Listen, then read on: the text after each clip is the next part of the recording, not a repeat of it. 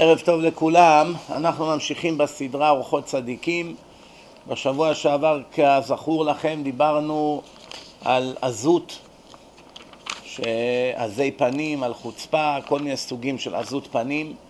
היום אנחנו נדבר על השער החמישי באורחות צדיקים, שזה שער האהבה. כידוע לכם, יש כל מיני סוגי אהבות. יש אהבות בין אנשים, יש אהבות בין אדם לבורא, יש אהבה של גבר לאישה, יש כל מיני סוגי אהבות בעולם שהקדוש ברוך הוא ברא, אהבה בין הורים לילדים, בין הילדים להורים. אנחנו קצת נתמקד קצת בכל דבר ונסביר מה הדרך האמיתית שם, כן? האהבה כוללת מעשים רבים, יותר מכל המידות. יש באהבה הרבה וריאציות, הרבה קטגוריות. ובעת שישים האדם אהבתו לרעה, אין מידה רעה בכל המידות כמוה. שישים האדם אהבתו לטובה, היא למעלה מכל המידות. זאת אומרת, זה נשק קטלני, אהבה. השאלה איך משתמשים בו. אם אתה נלחם בו נגד מחבלים ורוצחים, אז הנשק הזה, איך אומרים, עשה את שלו. אם חס וחלילה אתה נלחם בו נגד אנשים טובים, הוא יעשה נזק קטלני לאנשים טובים, כן? אהבה האחת. בואו נתחיל ללכת אחת, שתיים, שלוש, לפי הסדר, ונראה במה מדובר. אהבה האחת, האדם שאוהב את בניו, בניו, בנותיו, כן, הורים שאוהבים את הילדים. מרוב האהבה שהאדם יש לו לבניו, אינו מייסרם ומדריכם לדרך הטובה. מכירים את ההורים האלה שמפנקים את הילדים בכל מחיר? כל דבר, כל מה שהם רוצים, הילד רק, איך אומרים, רק מצייץ, ישר רצים לשרת אותו. וגם מפנקים אותו בכל מיני תפנוקי העולם הזה. כאלה שיש להם כסף, אז uh, מה יעשו בכספם? רוצים כביכול להטיב, כוונתם כמובן טובה, רוצים להטיב לצאצאיהם על ידי כסף, חוגים, ספורט, ממון, צעצועים, בימינו זה מחשבים, טלפונים וכולי, כן? ואפילו העניים יוצאים מגדרם כדי להטיב לבניהם בכסף שאין להם. אפילו העניים מנסים לחקות את העשירים, כן? לפעמים יוצא שאישה אומרת לבעלה, תראה, הבן של האברך הם קנו כך וכך וכך, ואנחנו לא, אתה לא נותן לנו לקנות. זאת אומרת, יש איזה אברך שאשתו מחזיקה אותו ככה מהצוואר, חונקת אותו, ובקצת כסף שאין להם, כן, הוא הולך וקונה משהו מסוים לילד, ואז הילד כביכול של אחד שכן יש לו כסף, אז אשתו אומרת, תראה, הם קנו ואנחנו לא. רואים את הדברים האלה כל הזמן זה קורה, כן? אז באמת ככה, בגלל שאדם אוהב את בניו, אינו מייסרם. כתוב בתורה, כאשר ייסר איש את בנו, כך השם אלוקיך מייסרק. איש אמיתי, צדיק, צריך לייסר את בנו. לא שיגרום לו עכשיו עינויים בכוח שישב ויבכה ויכאב לו, לא. תכף אני אסביר מה זה לייסר. כאשר ייסר איש את בנו, כך השם אלוקיך מייסרק. וכתוב עוד בתורה, את אשר יאהב השם ייסרו. מי שהשם אוהב, מי שהשם אוהב, הוא מייסר אותו. מה פירוש לייסר? לדחוף אותך בכוח לדרך הישר. כשאתה מתחיל לסטות מן הדרך, עכשיו בדרך כלל אנחנו קוראים לסבל ייסורים. כי בדרך הטבע, מי שסובל, זה מחזיר אותו מיד להשם, כי אין לו למי לפנות. ניסה את זה, ניסה את ההוא, ראה שהעולם צבוע, אז הוא רץ להשם ובוכה לו. אז האיסורים, קודם כל הם ממרקים את העוונות, דבר שני, מטות את האדם חזרה לדרך האמת, כן? לכן, אדם שאוהב את בניו לפעמים הוא מפנק אותם יותר מדי ואינו מייסרם, הוא מדריכם לדרך הטובה. הוא לא, לא מדריך אותם לדרך הטובה, למה? כיוון שאשתו כל הזמן אומרת, מסכן, עזוב אותו, הוא עדין, אל תהיה קשוח, בלי עונשים, אז הילד הזה מרגיש שהוא המלך של העולם, כן? ומניחם ללכת בשרירות ליבם הרע. הילד משתלט להם על החיים, כן? אתם יודעים, אני כבר ראיתי במו עיניי ילדים שקוראים להורים שלהם בשם הפרטי, איציק, שלמה, אבי. ילדים שמחליטים להורים מי ישתמש באוטו. איציק, תיקחו מונית היום לחתונה, אני צריך את האוטו. וההורים כבר התרגלו לזה. זאת אומרת, איזה אורח מן הצד שככה תמה, אז האבא ככה בחיוך מבויש אומר לו, מה נעשה? זה מה יש. מה, נתחיל לריב איתו? כן? זאת אומרת, יוצא שהנערים מייסרים את ההורים לדרך הרע כביכול, כן? והם פוחדים להתעסק איתם, כן? אני כבר לא מדבר שדור כזה כמו שאנחנו חיים בו, שכבר ילדים אה, מתקשרים למשטרה, להורים שלהם וכל מיני דברים כאלה, השם ירחם. אוי לנו שהגענו לדור כזה, כן? אבל זה המציאות, כן? לכן, בגלל שהוא אוהב אותו ומפנק אותו, ומזה יבוא היזק גדול. יהיה נזק גדול מאוד לילדים האלה. קודם כל רואים פה במדינה הזאת, המדינה של הפינוק, מדינת ארצות הברית, שרוב הנערים היהודים, אני לא יודע אם להגיד למזלם או לא, גדלו במשפחות עשירות, ומה שנקרא בעברית ילדי שמנת, להורים אמריקאים עשירים כקורח, שנתנו להם מיליונים של דולרים מגיל 0 עד גיל 18, השקיעו בהם מיליונים, אם זה בטיולים, אם זה במכוניות, אם זה במה לא. והילד הזה גדל באווירה, כולם פה לשרת אותי. חייבים לי, מגיע לי. מה זאת אומרת שלא ייתנו לי? ואז יוצא מציאות כזאת שהוא מגיע לגיל 22-3 ורוצה להתחתן, הוא בעצם, ברוב המקרים, לא מסוגל לעשות שום דבר בכוחות עצמו, כלום. הכל זה תמיד בא מאבא, כרטיס אשראי של אבא, נסיעה לארץ, אבא, אבא משלם לאוניברסיטה, אבא קנה את האוטו, אבא משלם את הטלפון, הכל, הכל, העוזרת מקפלת את הבגדים, היא עושה לו את הכביסה, היא מסדרת את המיטות, הכל זורק על הרצפה. בעיה היא, מה יקרה אם לאבא כבר לא יהיה כסף עוד כמה שנים? זו השאלה הראשונה. אז החורבן מתפוצץ לו בפנים. מה יהיה אם הוא יתחתן עם אישה אחרת והיא תראה איזה מין בן אדם הוא? תברח לו אחרי חודשיים. מה יקרה אם הוא יצטרך לעבוד אצל אדם אחר או לקחת שותף? הוא יראה שהוא כזה פרזיט, כזה חסר תועלת, מפונק, חסר אחריות, זמנים זה לא זמנים, לקום בבוקר זה לא לקום בבוקר, הוא לא מסוגל, אין לו סיבולת, אין לו כוח סיבולת, הוא לא מסוגל לקבל שום מעמסה על עצמו. וההורים האלה, אף על פי שמאוד אהבו את ילדיהם וכל כך השתדלו בעדם, בעצם רצחו אותם בדם קר. על זה הוא מדבר פה. שהאדם שכביכול אוהב את בניו, מרוב האהבה אינו מייסרם ומדריכם לדרך הטובה. לכן סימן אמיתי לאהבה צריך להיות שהאבא, מלבד שצריכים היום בדור הזה לתת אהבה ללא תנאים, המון המון אהבה לילדים, חייבים, אבל חייבים גם להיות קשוחים כשצריך. אם ילד עושה דברים לא בסדר, הוא מנבל את פיו, אם הוא נוגע בדברים שלו, שלו, עושה כל מיני דברים שאסור לעשות, חייבים שיהיה לו רסן, ומי שלא מייסר את בנו ולא מרסן אותו, אוי לו ממה שיבוא לו בעתיד על זה. זה לא צחוק. אהבה שנייה, אהבת הממון. כל בני האדם בעולם אוהבים כסף. מי שאומר אני לא אוהב את ההוא כי הוא חמדן, הוא אוהב כסף, אם תבדוק אותו תראה שהוא בעצמו אוהב כסף לא פחות ואפילו יותר. אבל כמובן שיש בזה מדרגות. יש אדם אוהב כסף, אם בא לו הוא שמח, אם לא הוא מתפקד, ממשיך את חייו. יש אנשים, האהבה שלהם לכסף היא בצורה אובססיבית.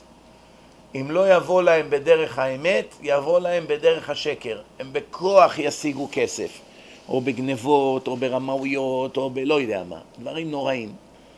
אנשים הגיעו לשפל המדרגה, העיקר שיהיה להם כסף. מכרו את עצמם לכל מיני דברים שאני לא רוצה אפילו להגיד אותם. אם זה סמים, אם זה דברים אסורים, אם זה יחסים אסורים, כל מיני דברים. וכל זה מרוב התאווה הגדולה לחיות חיי לוקסוס. מרוב אהבה אל הכסף. עכשיו תראו רבותיי, אין אדם שלא אוהב כסף. אפילו איזה אחד שנסע לצפת שם להיות היפי בערים עם איזה כבשה וחליל והוא מכבס בידיים את הבגדים והוא התנתק מהעולם הזה ואין לו לא מחשב ולא טלפון והוא מת, מת, יש לו איזה תרנגול שמטיל לו ביצים, מטילה לו ביצים והוא, איך אומרים, חי מכלום ב-400-300 דולר הוא מסתדר כל החודש גם אדם כזה אוהב כסף, אם תיקח לו את ה-300-400 שהוא צריך כדי לחיות תראה שהוא נהיה חיית טרף על זה הוא מוכן להילחם למה? הוא צריך את זה, אין ברירה, הוא, הוא אוהב את זה בגלל שהוא צריך את זה. את הקצת שהוא צריך, הוא אוהב. אי אפשר להגיד, אני לא אוהב, מצידי למות, אין בעיה. לא מוצאים כאלה אנשים. נכון שהוא לא מטריאליסטי והוא לא מחפש עוד ועוד ועוד ועוד, נכון, אבל הוא לא יכול להגיד אני לא אוהב כסף, כי מה הראייה? אם אדם אומר לך אני איש פשוט, הכי פשוט בעולם, לא מעניין אותי לא מכוניות, לא תכשיטים, לא בגדים, לא בתים, לא כלום תן לי פת ולך, איך אומרים, פת במלח תאכל, ומים במשורה תשתה, ועל הארץ אתה ישן, וחיי צער אתה חי, זה מה שאני רוצה להיות. תגיד לו, אתה יודע מה, אתה אברך, אתה מקבל 500 דולר בחודש, תן לי אותם, אני צריך כסף, תן לי. מה הוא יגיד? לא, מה פתאום? תן! תמשוך לו את זה בכוח מהיד. הוא יילחם איתך. מה, אתה לא מתבייש? מה, מה קרה? אמרת שאתה לא אוהב כסף. זאת אומרת, קצת אהבה יש לכל אחד. לא על זה מדובר, זה טבעי, זה, זה, אין, אין, אין נגד זה שום טענה. על מה מדובר? שימו לב. מרוב תשוקתו אל הממון לא יהיה משא ומתן שלו באמונה. רוצה להתעשר, הוא לא רוצה רק להתקיים, הוא רוצה להתעשר בכל מחיר. וחומד ועושק וגוזל כדי להרבות הון. בכל מחיר. ומרוב חמדת העושר יקפוץ ידו מן הצדקה ויצר. מקצץ בצדקות, מקנא שהאחרים מצ... מצליחים, לא מסוגל לתת כלום לאף אחד, ולא רק זה, גוזל של אחרים עושה, עושה עושר שלו ביושר. מה כתוב עליו? בחצי ימיו יעזבנו. או שימות צעיר או שהכסף יעזוב אותו בגיל מסוים, כן? ואחריתו יהיה נבל, יתנבל. אז עכשיו מה רואים מכאן? שיש אנשים שמרוב אהבת ממון שלהם ישיגו בכל מחיר, יגנבו, ימכרו סמים, יזייפו, מה לא, יגנבו צ'קים. אהבה שלישית, אהבת נשים. בן אדם נורמלי, שהשם ברא אותו נורמלי, הכוונה ללא הפרעות נפשיות או בעיות של פיגור שכלי או כל הדברים האלה, מטבעו אוהב את המין השני. לצערנו הרב, העולם כל כך נהיה מטונף מבחינה רוחנית, שהיום כבר אחוז גדול בציבור אוהב את בני מינו. אנשים איבדו צלם אנוש, איבדו, אין להם כבר גדר של בני אדם עליהם, כי אפילו מה שהם עושים בעלי חיים לא עושים. אפילו אצל בעלי חיים לא מוצאים כזו מרידה נגד בורא עולם. קל וחומר אדם שהוא בר דעת, שהוא מבין עניין והוא רואה שהשם ברא זכר ונקבה וככה זה אמור להיות, לא רק שיש לו סטייה ומחלת נפש, אלא הוא עסוק בלשכנע את כל העולם שהוא הצודק וכולכם חשוכים ופרימיטיביים. מי שלא כמוני הוא פושע, מי שלא כמוני הוא חשוך, מי שלא כמוני הוא גזען, מי שלא כמוני הוא פרימיטיבי. אני הנאור, אני המשכיל, אני מבין באהבה, אני ואני ואני. רק מה הבעיה? שכל האנשים האלה שנראים עליזים ושמחים ורוקדים, אין אומללים יותר מהם בעולם. בכיוון שהנשמה של האדם תמיד תסבול כשהיא חיה בשקר. אולי הגוף ייהנה, אולי יהיה לו פנטזיות, אבל הנשמה תמיד היא בחושך נוראי, סובלת מאוד. הם סובלים מזה מאוד, ולכן אחוז ההתאבדות הכי גדול זה בקהילה שלהם. בטח, יש שם התאבדויות על שמאל ועל ימין. והרבה שם לוקחים כדורים נגד דיכאון. כל העולם היום כבר על כדורים לדיכאון, אבל שם זה במספרים גבוהים מאוד. וכל החיוכים והריקודים כלפי חוץ, הכל הסוואה לחושך הנוראי שהם חיים בו. למה? יש ביניהם הרבה שיש להם הורים נורמליים, והם יודעים שכל יום שהם ככה, ההורים שלהם בצער נורא וזה מצער אותם. יש אנשים שאוהבים ילדים, אז הם רוצים שיהיה להם ילדים, אבל בסטייה שלהם הם לא יכולים הרי להביא ילדים, אז מזה לבד הם סובלים מאוד. אולי אין להם תאוות אישה, יש להם תאוות גבר, אבל בסופו של דבר, שהוא מסתכל על מצבו הכללי, אין אומלל יותר ממנו בעולם. ואני מבטיח לכם, שאם היה שני כפתורים, כפתור ירוק וכפתור אדום, והייתם מביאים את כל הגאים, שאף פעם לא הבנתי על מה הם מתגאים בדיוק, אבל קוראים לעצמם גאים, שהם באים ותגיד לו הנה עכשיו אתה נכנס לחדר הזה, אף אחד לא שם, רק אתה והשני כפתורים האלה. אם תלחץ על הירוק, אתה הופך להיות אדם נורמלי. תאהב נשים, יהיה לך תאוות נשים, תוכל להתחתן, להביא ילדים, וכל מה התאוות שיש לך היום, יהיה לך רק לנשים במקום לגברים. אם תלחץ על האדום, תישאר גאה כמו שאתה, עליז. כמה מהם אתם חושבים שילחצו על האדום? אם אחוז מהם ילחצו על האדום, זאת תהיה הפתעת חיי. אחרי כל הרעש והצלצולים, ואנחנו ואנחנו, ואנחנו שמחים ומאושרים ורוקדים ברחובות וכולי, הם יר... כי יש להם מחלת נפש. זה סוג של מחלת נפש. יש המון מחלות נפש היום בעולם. ואם הם היו יכולים לצאת מזה, הם היו יוצאים מזה. זו מחלה שקשה מאוד לצאת ממנה. אני זכיתי כמה כאלה ליישר להם את הראש והם התחתנו. אבל אני מעיד שזו משימה כמעט בלתי אפשרית. יש כאלה שנולדים עם זה, יש כאלה זה מגלגול שעבר, ויש כאלה זה נהיה להם בגלגול הזה. שהם היו עד גיל מסוים סטרייטים, ומגיל מסוים הם פתאום התחילו לעשות דברים מסוימים, ועד שנמשכו אחרי זה, כמו אדם שמתחיל עם סמים ונמשך ונמשך ונמשך. ו-. תראה, אנחנו לא שופטים אף אחד. לא תפקידנו, אנחנו לא מוצאים להורג אף אחד, אנחנו לא משמיצים אף אחד.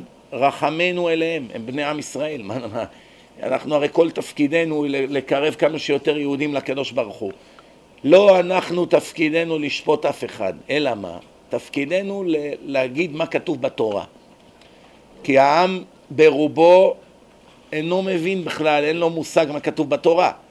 אנשים שגדלו לתוך המציאות החילונית, הם לא מבינים שיש בזה עוון נורא לעשות את המעשים האלה שהם עושים. יש הרבה מהם, אחרי ששומעים את הדרשות האלה, עושים חשבון נפש ומבינים שמצבם עגום ומנסים ללכת לטיפול. חלק מצליחים, חלק לא, אבל דבר אחד אין עליו ויכוח, שבורא עולם ידע שיש אנשים כאלה וידע שיש סטייה כזאת וידע אז כבר, בזמן מתן תורה הוא דיבר על זה בתורה וידע שיהיה קשה מאוד לצאת מזה ונתן על זה עונש מוות בסקילה וכרת לנשמה בעולם הבא. סימן שלמרות כל הכאב, למרות כל הסבל, למרות כל המסכנות, למרות כל הקושי, בורא עולם מצפה לכל, מכל אדם, בין יש לו תאוות נשים, בין יש לו תאוות גברים, מכל אדם לא לעבור על חוקי התורה, מה שקל או מה שקשה, ואפילו מה שקשה מאוד. ואם בורא עולם נתן על זה עונש מוות, לא אני ולא אתה ולא עוד מיליארד כמונו, יש לנו בכלל פתחון פה לצייץ או להביע דעתנו אחרת ממה שבורא עולם אמר. אם נזכה להבין למה הוא כל כך מחמיר עם העבירה הזאת, נבין. ואם לא, לא נבין. דבר אחד בטוח, בתורה שלנו, שנתן אותה זה שברא את העולם, ואותי ואותך, והוא גם ברא את הסטייה הזאת, זה חלק מהעולם, זה מהתפריט שיש לעולם להציע. הוא גם ברא חזיר, הוא גם ברא סמים, הוא גם ברא כל מיני דברים אחרים. אפשר להשתמש בהם לטוב, אפשר להשתמש בהם לרע. ויש כאלה ויש כאלה. דבר אחד בטוח, מה שכתוב שאסור, כל מי שמנסה לסלף את התורה ולעוות אותה ולעשות אותה יותר מודרנית שתתאים להיום, הוא בגדר יהודי רפורמי. ורפורמים מזמן הפסיקו להיות יהודים, מזמן. אין שום קשר בינם לבין יהדות. הם לא שומרים מצווה אחת מהתורה, הם לא מקיימים הלכה אחת, וכמעט כולם כבר גויים לפי ההלכה, כי הם התחתנו כבר הרבה הרבה דורות עם גויים, כבר 200 שנה התנועה הרפורמית, מתחתנים כולם עם גויים, בלי שום חשבון, אין להם שום בעיה להתחתן עם גויים.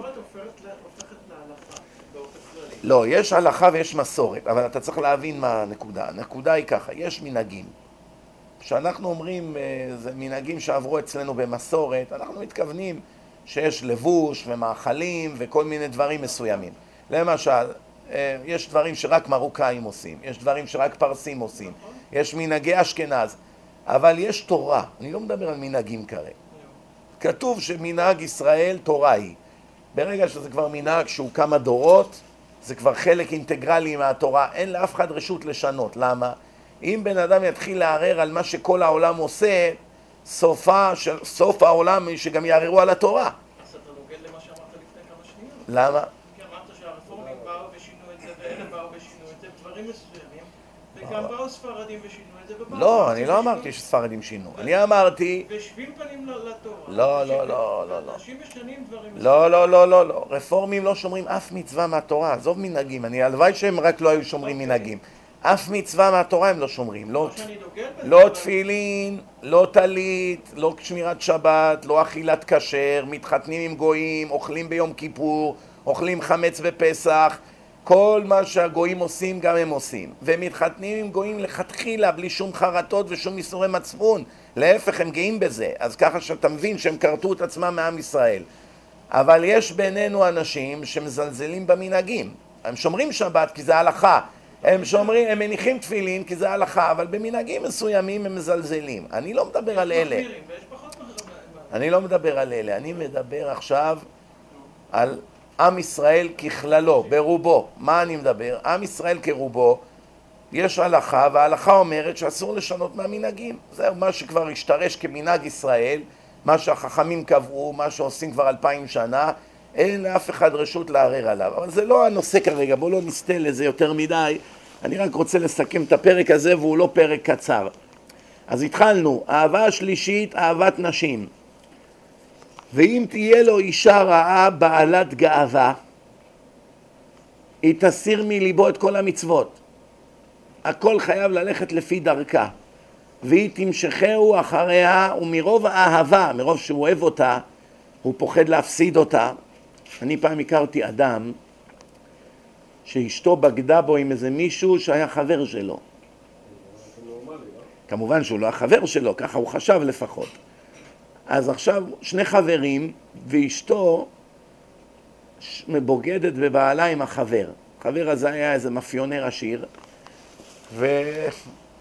והתחילו רינונים באזור שהם גרים, התחילו לרנן עליו אנשים. יום אחד מתקשר אליי איזה אחד, אומר לי, תשמע, החבר שלך הזה, אתה יודע מה, אשתו, מצאו אותה פה ומצאו אותה שם, והיא הייתה עם ההוא. אני כבר התחלתי להבין את התמונה. יום אחד פניתי אליו. אמרתי לו, תשמע, אתה יודע שאני אוהב אותך אהבת נפש. מה הולך פה? מה? הייתם צריכים לראות איזה מסכת הכחשות. איך בן אדם מדחיק ומכחיש. מה פתאום, זה רשעות, זה לשון הרע, זה עלילות. יום אחד עבר, יום אחד. תשמעו טוב. למחרת אני נותן שיעור באיזה מקום, אחרי השיעור אומרת לי איזה בחורה, אתה יכול לתת לי טרמפ הביתה על הדרך? אין לי איך ללכת, שכבר היה שעה 11 בלילה. אמרתי לה כן, להדליק את האור באוטו, רחוב ראשי, שלא יהיה ייחוד. התחלנו לנסוע, נסיעה של עשר דקות, שבע דקות. עוברים מחנות מסוימת.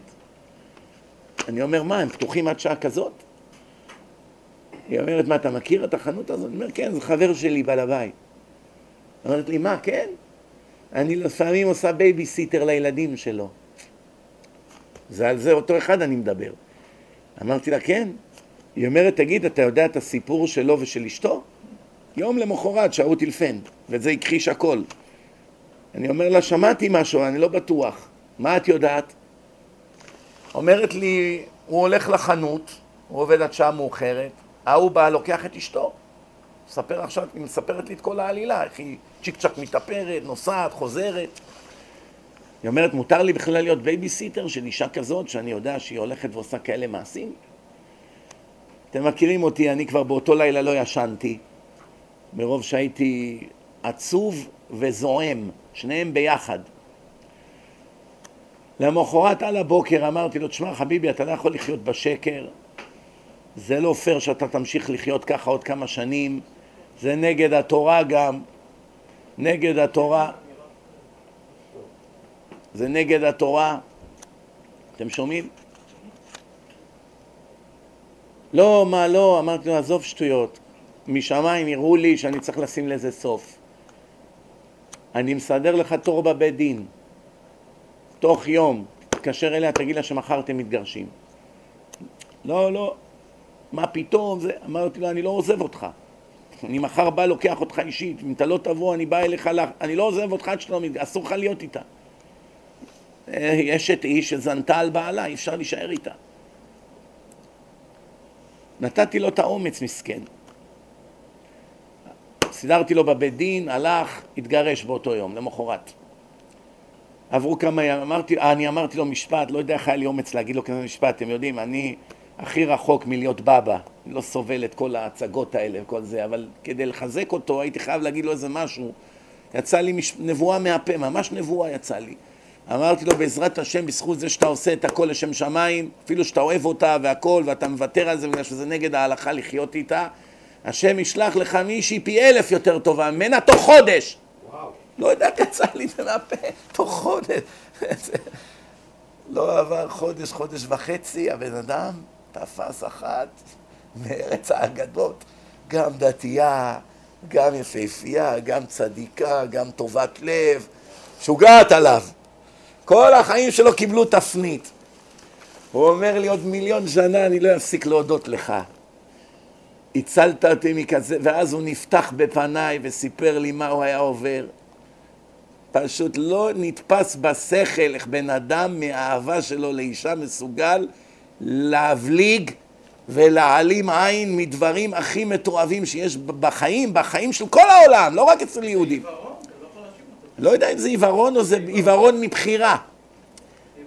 אז תראו מה כתוב כאן. שהיא תמשכהו אחריה, ומרוב אהבה אינו מעיז פניו נגדה, פוחד ממנה, פוחד לדבר, ושומע לעצתה, והיא תביאהו לידי מעללים רעים.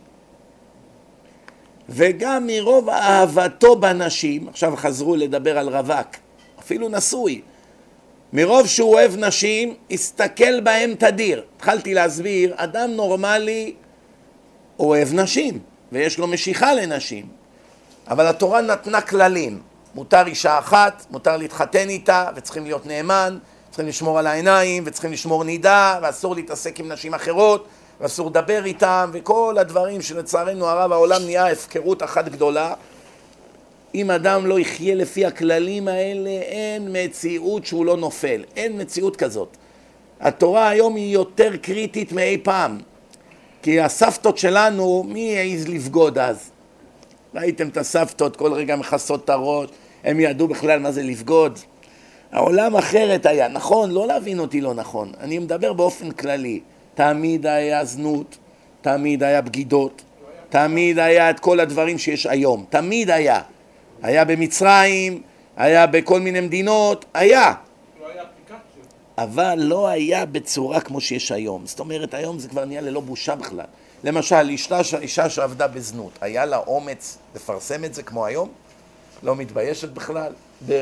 בריש גלי, נערות ליווי, עם אחד בן שמונים, היא בת עשרים, אין לה בכלל בושה בכלל, יושבת באיזה מרצדס פתוחה ומשוויצה, או שאיזה דוגמנית שמופיעה בשיא הפריצות, עוד משוויצה באיזה שמרים תמונות שלה וכל ה, העם בא להם להקיא מהחוסר צניעות שלה ולה היא עוד משוויצה והוא, תראו מי אני, כן?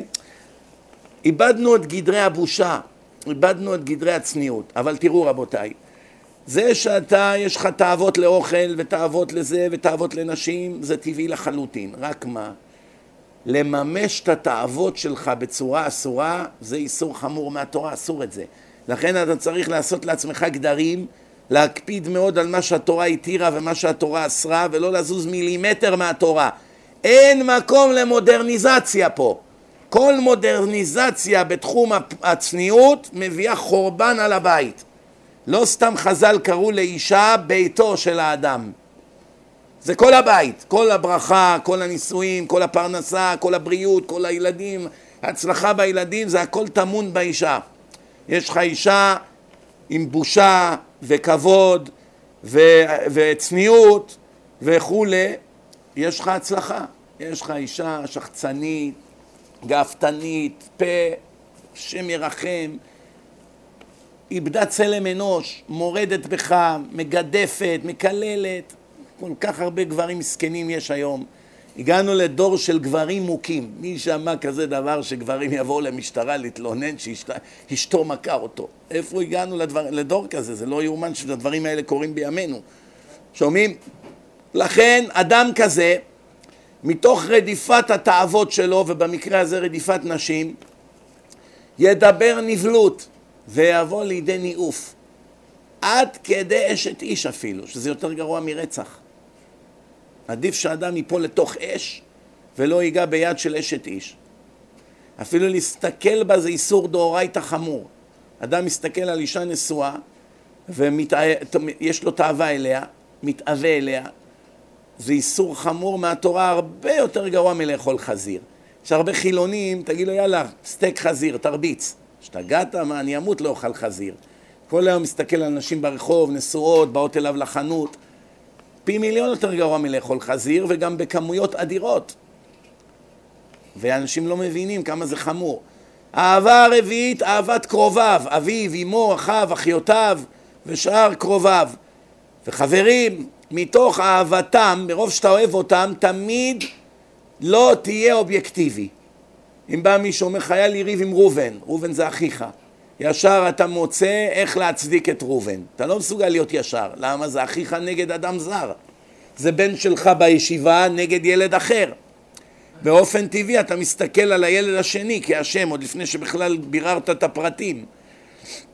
אם מישהו אומר לך, אבא, של, אבא שלך גנב אותי בעסק, מיד אתה אומר בלב שלך, זה הגנב, רמאי, איך אתה מדבר על אבא שלי? אתה לא מסוגל לחשוב, אולי באמת הוא צודק, אולי אבא שלי נכשל. אז ככה, לעולם יעזור ויגן ויכסה עליהם. גם אם פרצו פרצות רבות, גם אם אתה יודע שהם עושים דברים לא בסדר. מילא, אדם, ילד, אין לו רשות לדבר נגד אבא שלו. גם אם הוא יודע שאבא שלו גנב, אסור לו ללכת ולהגיד, אני יודע שאבא שלי גנב. אסור לו לדבר ככה. אה, אני יודע שאבא שלי ככה, אני יודע ש... אבל ללכת ולהצדיק ולסלף ולשקר זה איסור מהתורה, אסור לעשות את זה.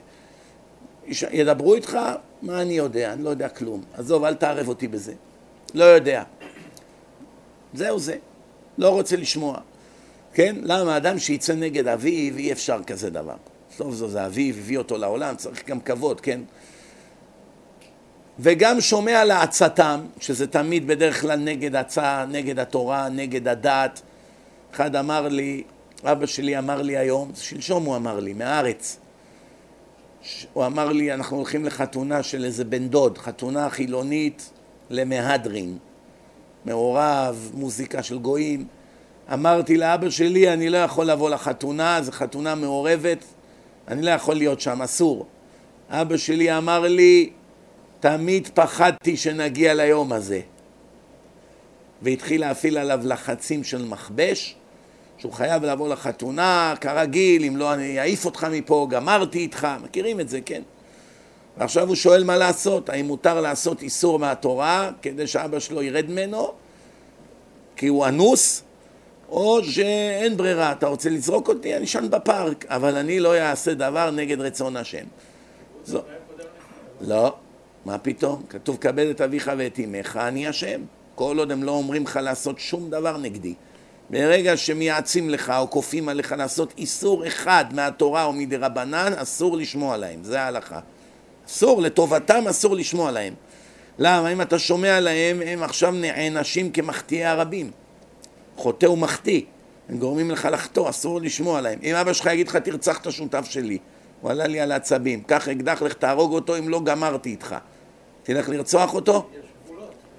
מי קבע מהם הגבולות? אין כזה דבר הבן אדם. בן אדם, היגיון של בן אדם מתבטל בהיגיון של השם. יש ספר הוראות, תורה מלשון הוראה.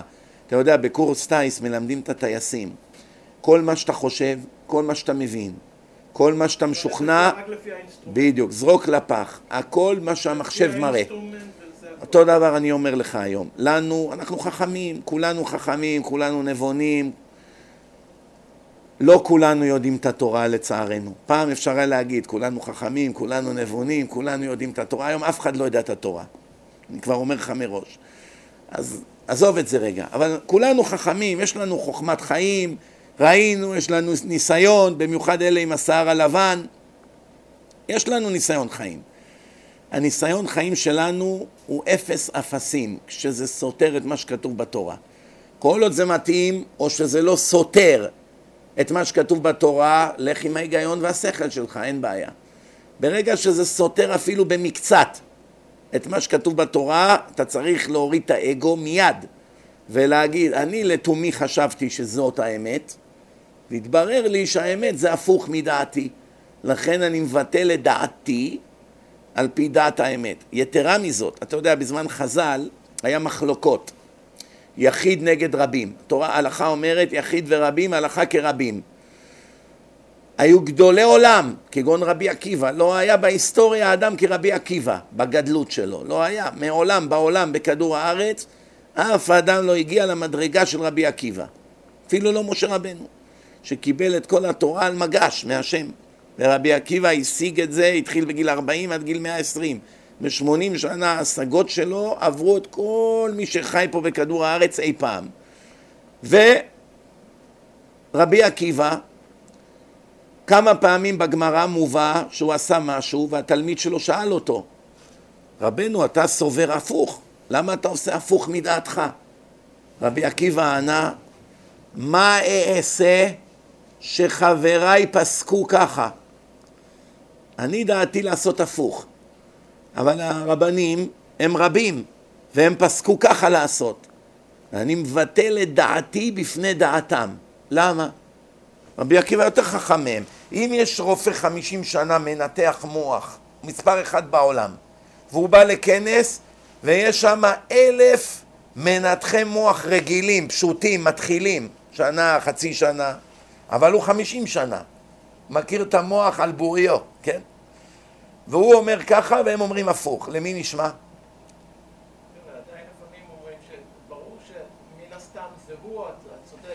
הוא יודע את המוח יותר מהם, הם יכול להיות כולם צודקים עד למסוים, מנקודה מסוימת, כי אין להם את כל הידע שלו.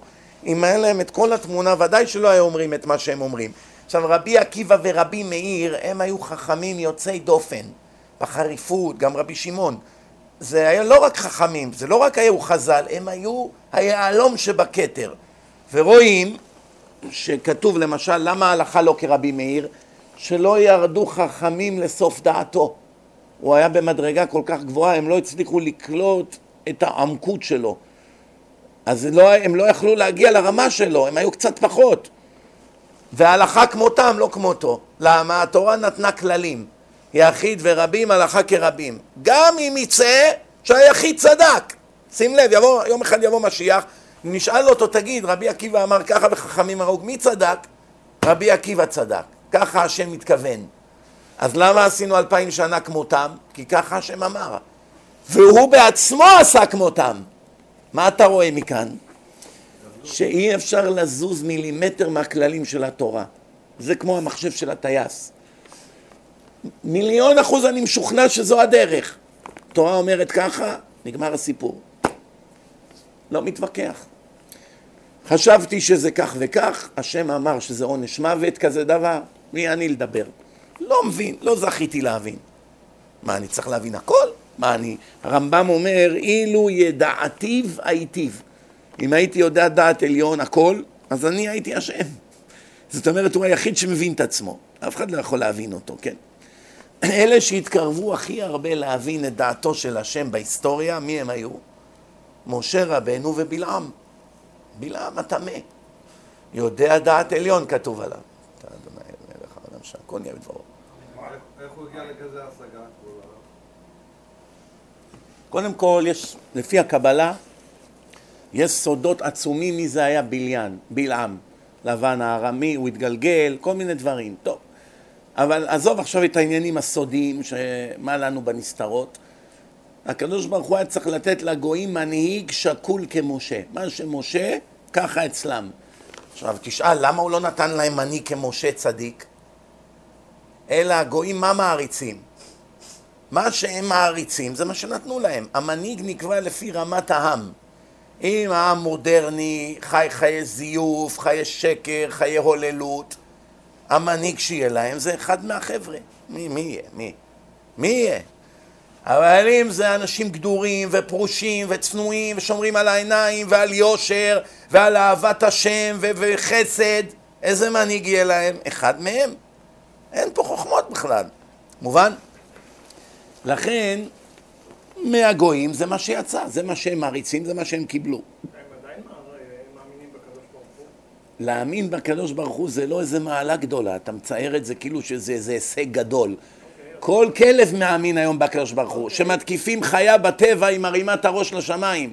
כל ערבי בעולם מאמין בהשם כמעט. כל גוי מאמין בהשם. גם החילונים בארץ שצועקים אני אתאיסט ועדיין מאמינים בהשם. כשיהיה להם סרטן אני מבטיח לך הם יצעקו לא אלוקים למה לי למה לי שהמס הכנסה יקרא להם הם למי יצעקו? לסבתא שלהם? בבתי חולים כולם דתיים אלא מה אני רוצה לומר לך? שמע טוב. אין אתאיסטים זה הכל בלוף לא, מונותאיסטים. כולם זה מה שאני אומר. כן, אבל, אבל רגע, צריך להבין. עכשיו, כולם מאמינים בהשם. זה לא איזה משהו עכשיו יוצא מגדרו. כי אדם שלא מאמין שיש לעולם הזה בורא, הוא פשוט חולה נפש מה צריך לשים אותו להיות. משוגעים. זה רק אתה מבין שאני נוגד, זה לא, ש... זה לא אומר שאני באמת נוגד. אוקיי. אתה מבין, תסביר לי איך הבנת שאני נוגד את מה שאמרתי. אתה אומר שהם לא מאמינים ב- בקדוש ברוך הוא לפני שנייה. לא אמרתי את זה. אמרתי, ש... אמרתי שהם אנשים שבחרו חיי הוללות, חיי הפקרות, חיי שקר, חיי גזל, חיי אה, אה, עבירות עם נשים ובעלי חיים. יצא להם מנהיג כמותם. לא אמרתי שהם לא מאמינים בהשם. חסר חרדים... לא שהם לא. רגע, רגע. היום כן. תודה רבה. היום... ויש להם את הקדוש. בגלל זה היום. לא, אבל בגלל זה היום יש רבנים, השם ירחי יצילנו מהם. אתה לא רואה כל חודש, חודשיים אה, פרשייה חדשה? לא שנייה. או, אבל יש מקומות שאין את זה. למשל, לך תלך, יש כמה ישיבות קדושות בירושלים, שם יש צדיקים אמיתיים, לא זזים מילימטר מהגמרא, מההלכה, חיי חייך פשטות. מצוות שלהם? לך תראה איזה רב... אותם? לך תראה איזה רבנים יש להם. איזה רבנים, איזה... אני למשל הייתי בישיבה בהרצליה. יש רק ישיבה אחת בהרצליה, של נערים. יש להם רב, הרב שמואלי, זה אח של הרב בניהו שמואלי, הרב מאיר שמואלי. הוא תלמיד חכם, מקובל, צדיק, ענב, בעל מידות, כל המעלות בקיצור. שומע? באתי לישיבה. עכשיו, אני את הרב הכרתי לפני הישיבה. כלומר, הכרתי אותו, דיברתי איתו וכולי. טוב, לא הכרתי אותו לעומק, אבל הכרתי אותו בצורה שטחית. כבר הוא עשה עליי רושם טוב לפני שבאתי לישיבה שלו. וגם כמה פעמים באתי לדבר שם, אז היה רק שעה והלכתי. לא מזמן הייתי בארץ, עשיתי איתם שבתון. היה שם קרוב ל-80 בחורים. אני חושב מגיל 16 עד גיל 30 לדעתי, משהו כזה. אתה שומע 80 בחורים, אחד אחד מלאך, לא תאמין איזה בחורים. יש רמה, יש מנהיג, יש מנהיג, יש רמה, זה כמו חרב פיפיות. המנהיג מעלה את הרמה והאנשים ממליכים את המנהיג. הבנת? למשל, התלמידים האלה לא היו מחזיקים מעמד עם אחד מודרני מזויף, בלוף, שמחפש רק את העולם הזה. לא, לא, לא היו מחזיקים מעמד איתו חודש. חד צדיק יסוד עולם לא היה מחזיק במקום של אנשים מזויפים יומיים. לא יכול להחזיק שם מעמד. איך אומרים? מין מצא את מינו, בא העורב אצל הזרזיר. כשאתה רואה רשעים, הרבה הרבה רשעים, המנהיג שלהם הוא כמותם. כשאתה רואה מקום של צדיקים, המנהיג שלהם כמותם. צדיקים לא ממליכים על עצמם רשע. צדיק לא יכול להיות מלך של רשעים שיעשו לו עבירות מול העיניים, תוך יום יומיים הוא ישתגע. הוא לא יוכל לעמוד, הוא לא יכול להחזיק מעמד.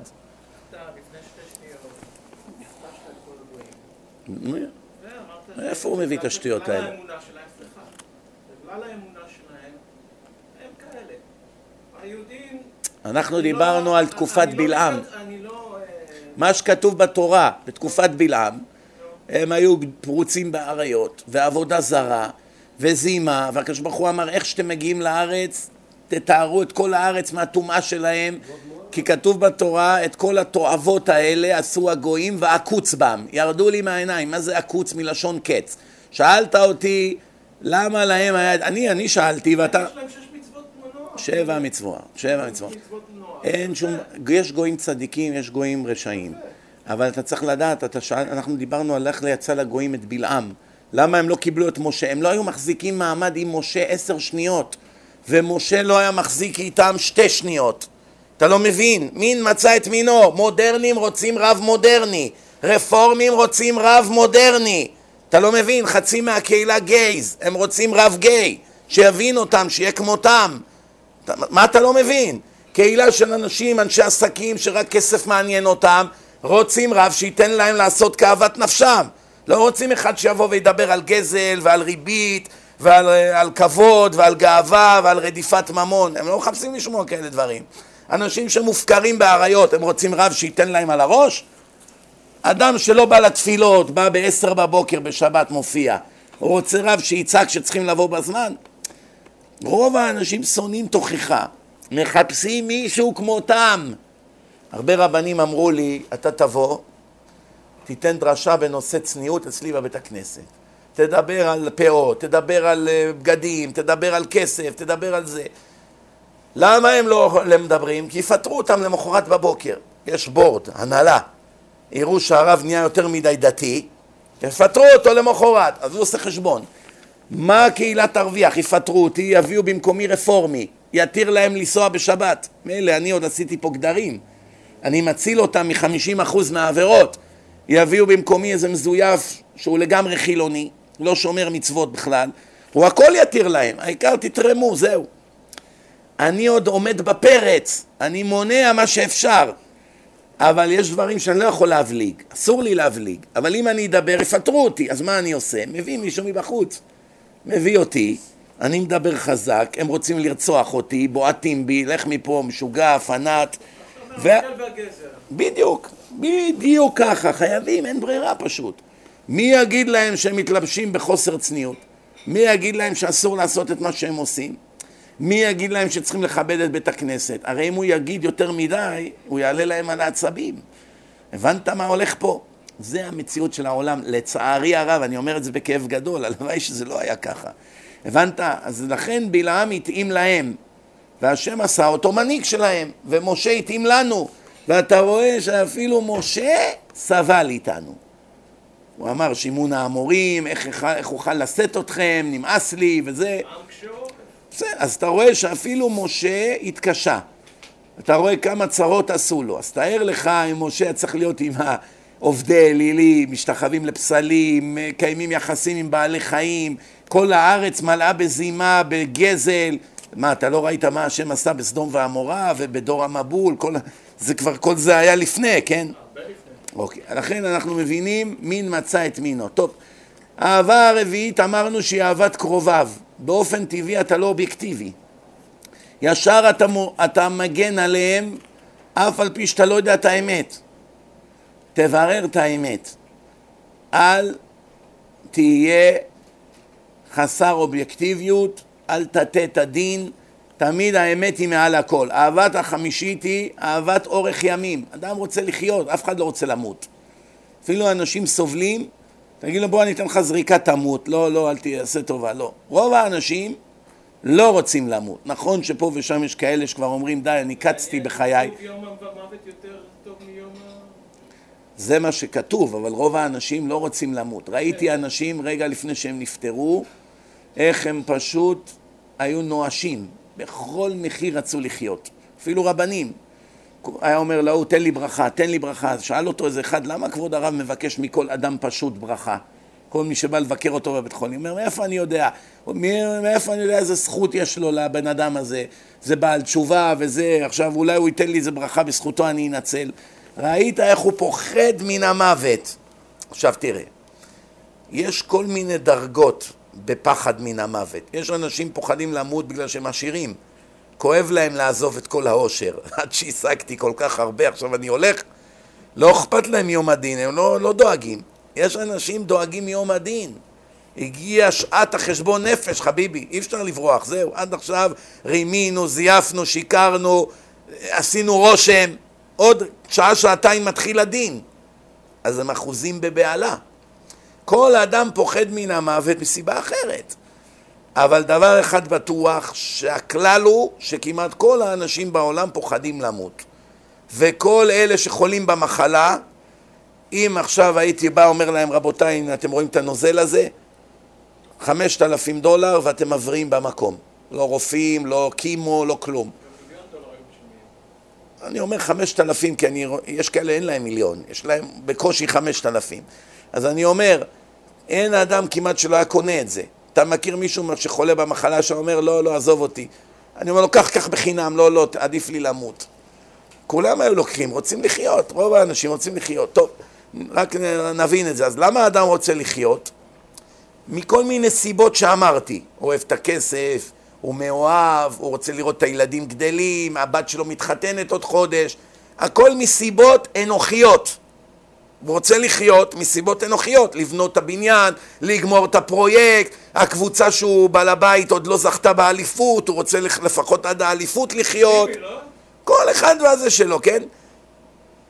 ואז כיוון שהוא רוצה לחיות, לא יעמוד בניסיון. יש לו ניסיונות.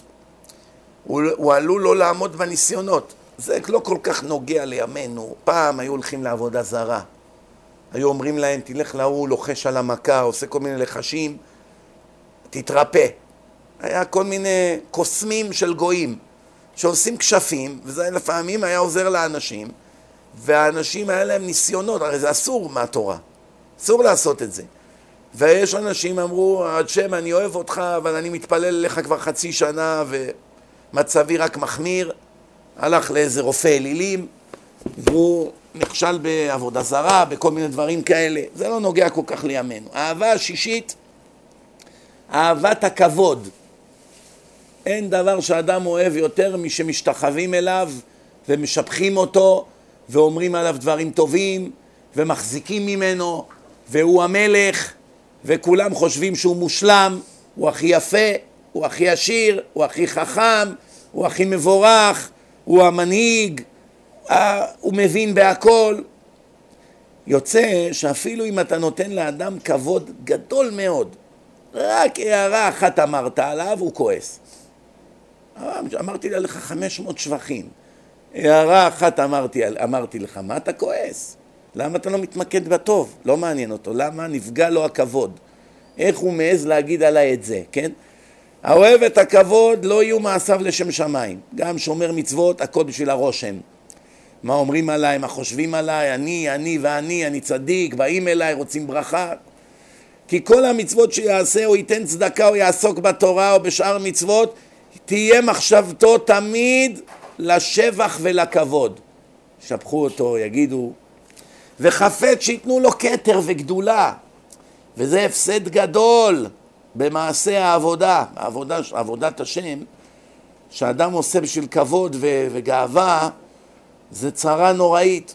אפילו מי שיש בו תורה ומעשים טובים, הכבוד מוציאו מן האדם. כבר אמרו חז"ל, הקנאה והתאווה והכבוד מוציאים את האדם מן העולם, וכל שכן מי שאין בו תורה ומעשים טובים ורודף אחר הכבוד. כמה מעשיו מגונים. האהבה השביעית, עוד כמה דקות אנחנו מסיימים, האהבה השביעית שהיא הרעה על כל האהבות, אהבת התענוגות והפינוקים, סושי, סטייקים, עוגת קצפת, חליפה כזאת, תכשיטים, מכוניות, חוף הים, ג'טסקי, business class, first class, מזגן, יאכטה, כן, לא, אני לא רוצה להיכנס לדברים אחרים, כן? תבינו כבר. אני קורא לך מה כתוב. היא הרעה על כל האהבות. שומעים? והיא אהבת התענוגות והתפנוקים, כגון אכילה ושתייה ושאר הנאות, זנות, בחורות, דיסקוטקים, ברים, חוף הים. ודאי, מאיפה אני קורא לך את זה? הכל מהתנ"ך. התורה, התורה מלאה בדוגמאות. מהאנשים שרדפו אחרי ממון, מה היה סופם? וגם הנביאים נתנו דברי תוכחה לכל אלה שרדפו אחרי העולם הזה. תכף אני אקרא לך כמה פסוקים, תבין. ואוכל תמיד מעדנים, הוא לא יאכל עכשיו לחם עם, אה, עם גבינה, זה לא לכבוד שלו, הוא יחכה עוד שעתיים עד שיגישו את הסטייקים, כן? והולך לבית המשתה תדיר, אוהב כל הזמן וויסקי משובח וזה, וישכח את בוראו. איפה זה כתוב? ואכלת ושבעת, ואכלת ושבעת, שומעים? יש... מה כתוב מיד אחרי זה? ישמר לך, לא אני מדלג, ישמר לך פן תשכח את השם. פסוק אחרי, מרוב שאתה אוכל ומשמין וטוב לך, מיד אין לך, אני אתן לכם ראייה שאין עליה ויכוח. איזה פעמים אדם דתי חרדי מתפלל ערבית הכי גרוע? במשך השנה. יש כמה פעמים בשנה שתפילת ערבית יוצאת על הפנים, מהר, זריז, לפעמים אפילו לא מתפלל אותה. בחתונות. אני אסביר לכם למה אני מתכוון. בדיוק. יש עכשיו חופה. איך שנגמרת החופה, כולם רצים להתיישב במקומות, כן? כבר האוכל על השולחן, הסלטים, הכל. אז עכשיו מישהו צועק, ערבית! עכשיו צריך עשרים דקות ערבית. עכשיו אלה שלא מתפללים, או שכבר התפללו קודם, רצים ישר לבלע. יגמרו את כל האוכל הטעים. במיוחד בבר, ושמוגלסבורג, כל אלה. עכשיו מה, הוא התפלל ערבית, הוא מהר רוצה לגמור לרוץ לאוכל. אז מרוב התאוות אכילה שלו והתענוגות, צ'יק צ'אק הוא מחפף את הערבית. זה עוד במקרה הטוב, עוד יתפלל ערבית. עוד יש לו קו אדום. יש כאלה אומרים, אני כבר אמצא ערבית באחד בלילה. ואחר כך הולך ושיכור, יושן, ובכלל לא מתפלל, ולא קריאת שמע ולא כלום. מה גרם ששכח את השם? חתיכת בשר. נכון או לא? איזה כמה, אני יודע מה, נקניקים שהגישו לו, אני קצת סושי, שכח את השם. מה הראיה? שאומרים שיעור תורה של רב פלוני, באים ארבעים איש. אומרים ארוחת סושי ופיצות תוגש. מאה איש באים. שישים איש למה באו? בשביל הפיצה. בשביל הסושי, לא בשביל הרב. מה רואים מכאן? שכל התאווה הזאת של העולם הזה היא מתגברת יותר מהתאווה והאהבה להשם. ואז לפעמים זה גורם לך לנתק מהשם, תכף נראה. ו... וישמן ישורון ויבעט. כמה שאתה משמין יותר בעולם הזה, מתענוגות, בועט בהשם. ישורון, מי זה ישורון? עם ישראל. השם של עם ישראל, אחד השמות שלו זה ישורון, מלשון ישרים. יש להם תורת אמת, תורה ישרה, כן?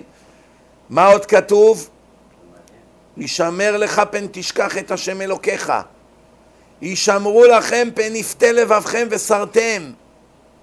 זאת אומרת, מפיתויים, אומרים בקריאת שמע,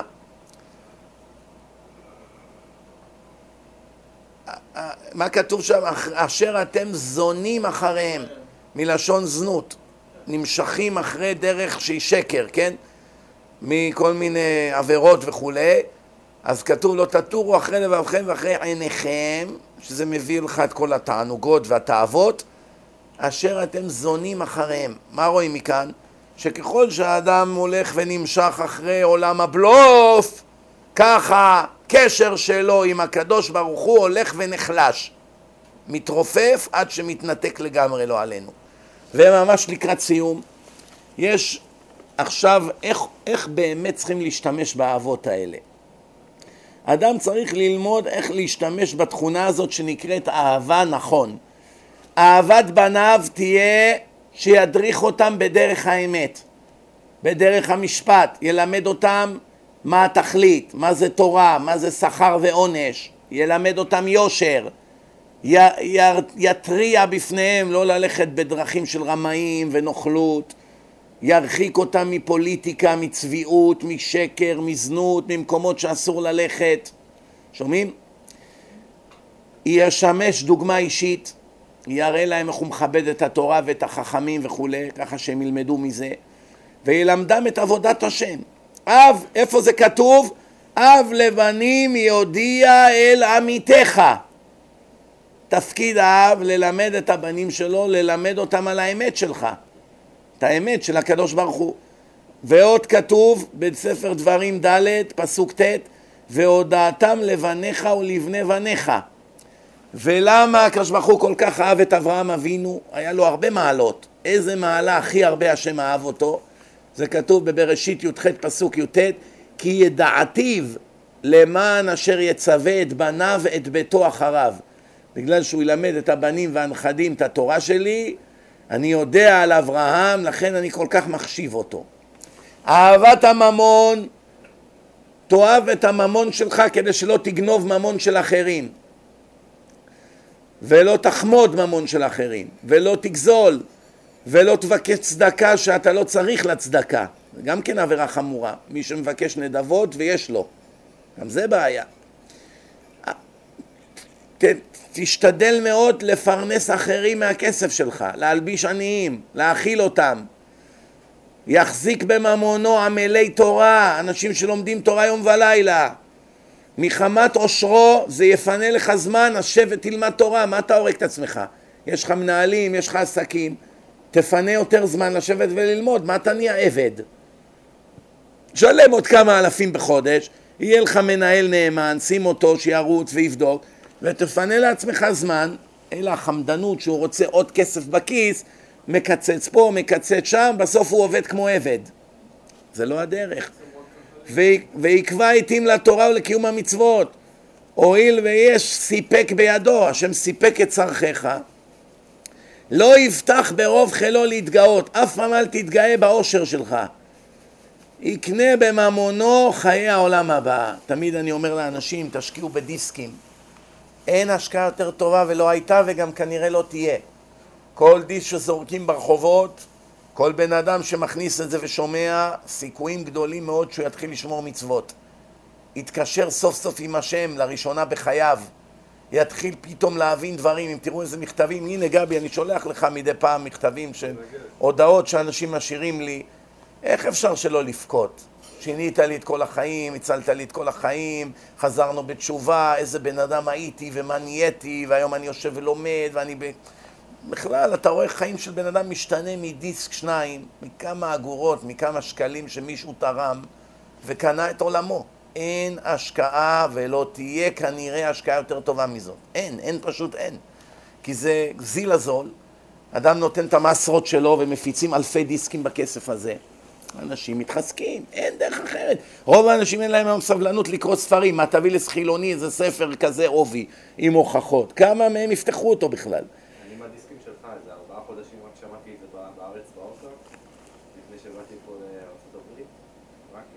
הפך לך את כל החיים, חד וחלק.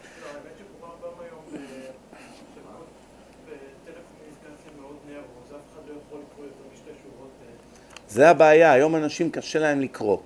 קשה לאנשים להחזיק ראש, לקרוא ספרים של 300, 200, 400 עמודים, לכן בדיסק זה קליט, זה על הדרך, הוא במילא נוהג, זה, זה, נכד, זה נכנס לו, הוא שומע את זה כמה פעמים וזה משנה את הבן אדם. אין חוכמות רבותיי, זה משנה את בני האדם.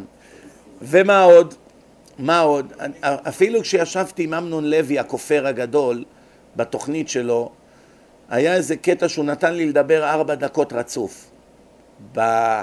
ברעיון, כמובן איזשהו שם, הוא קטע את הכל, אבל ברעיון המלא אתם יכולים לראות את זה. ארבע דקות אמרתי לו, אל תפריע לי, אני אוכיח לך הכל שהכל אמת. דיברתי ארבע דקות, פתאום ראיתי את העיניים שלו אחוזות בעתה ובעלה. ואני, ברוך השם, למדתי הרבה שפת גוף.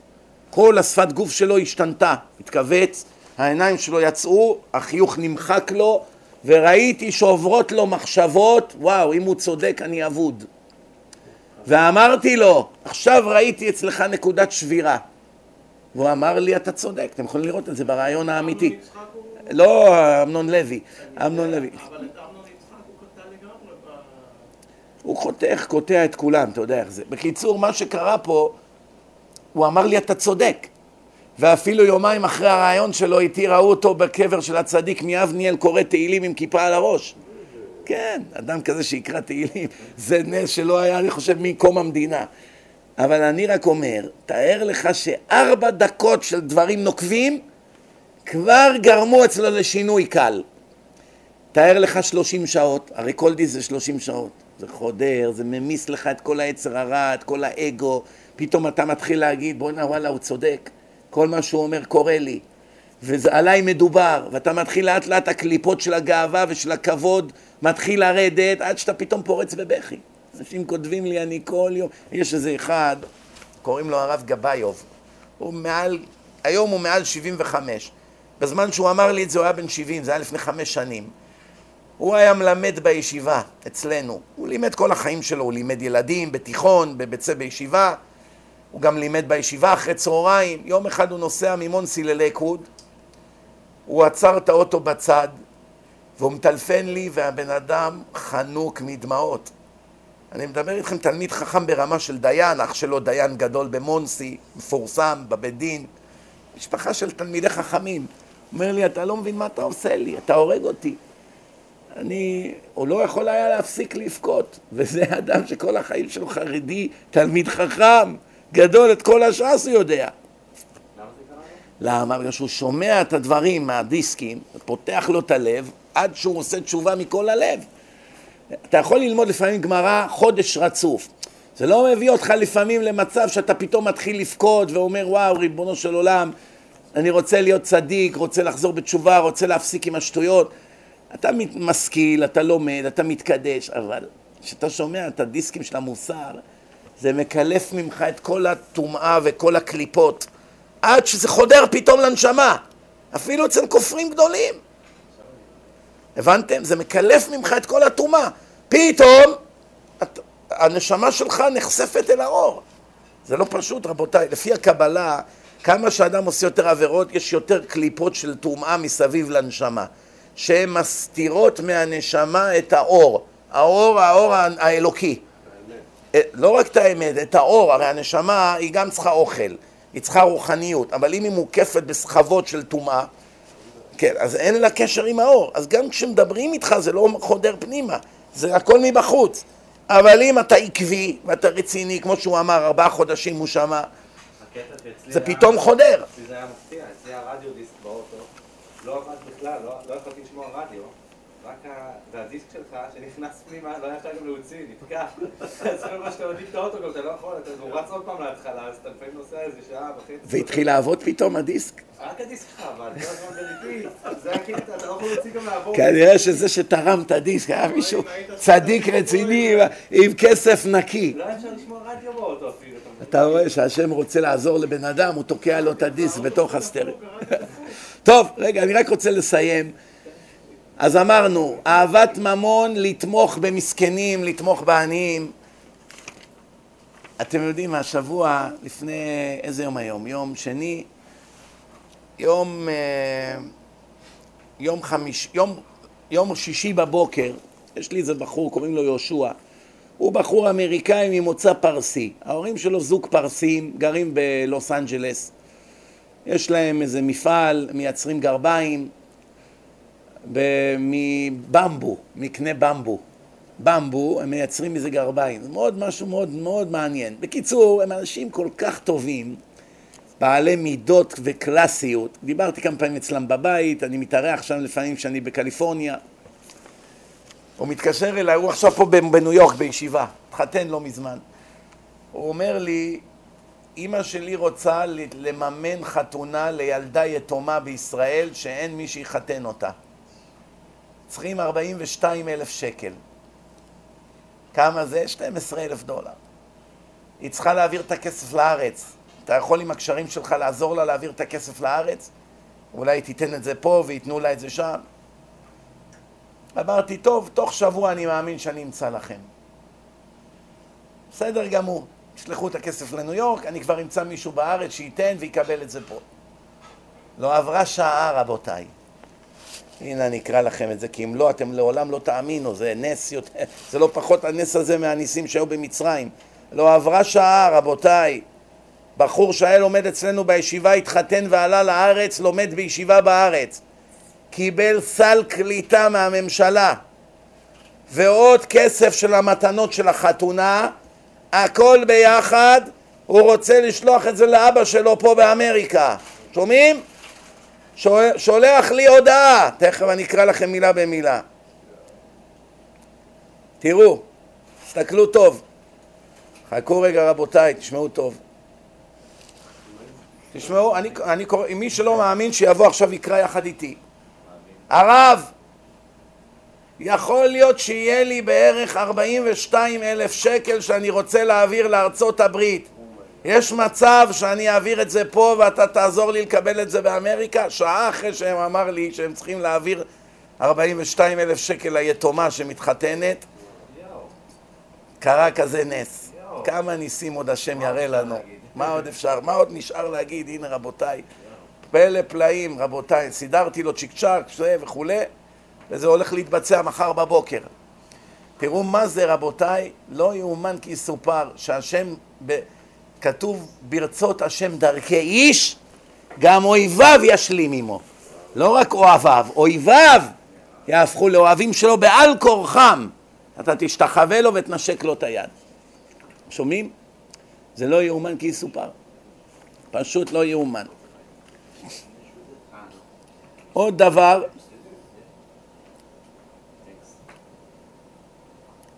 עוד דבר, ממש לפני סיום,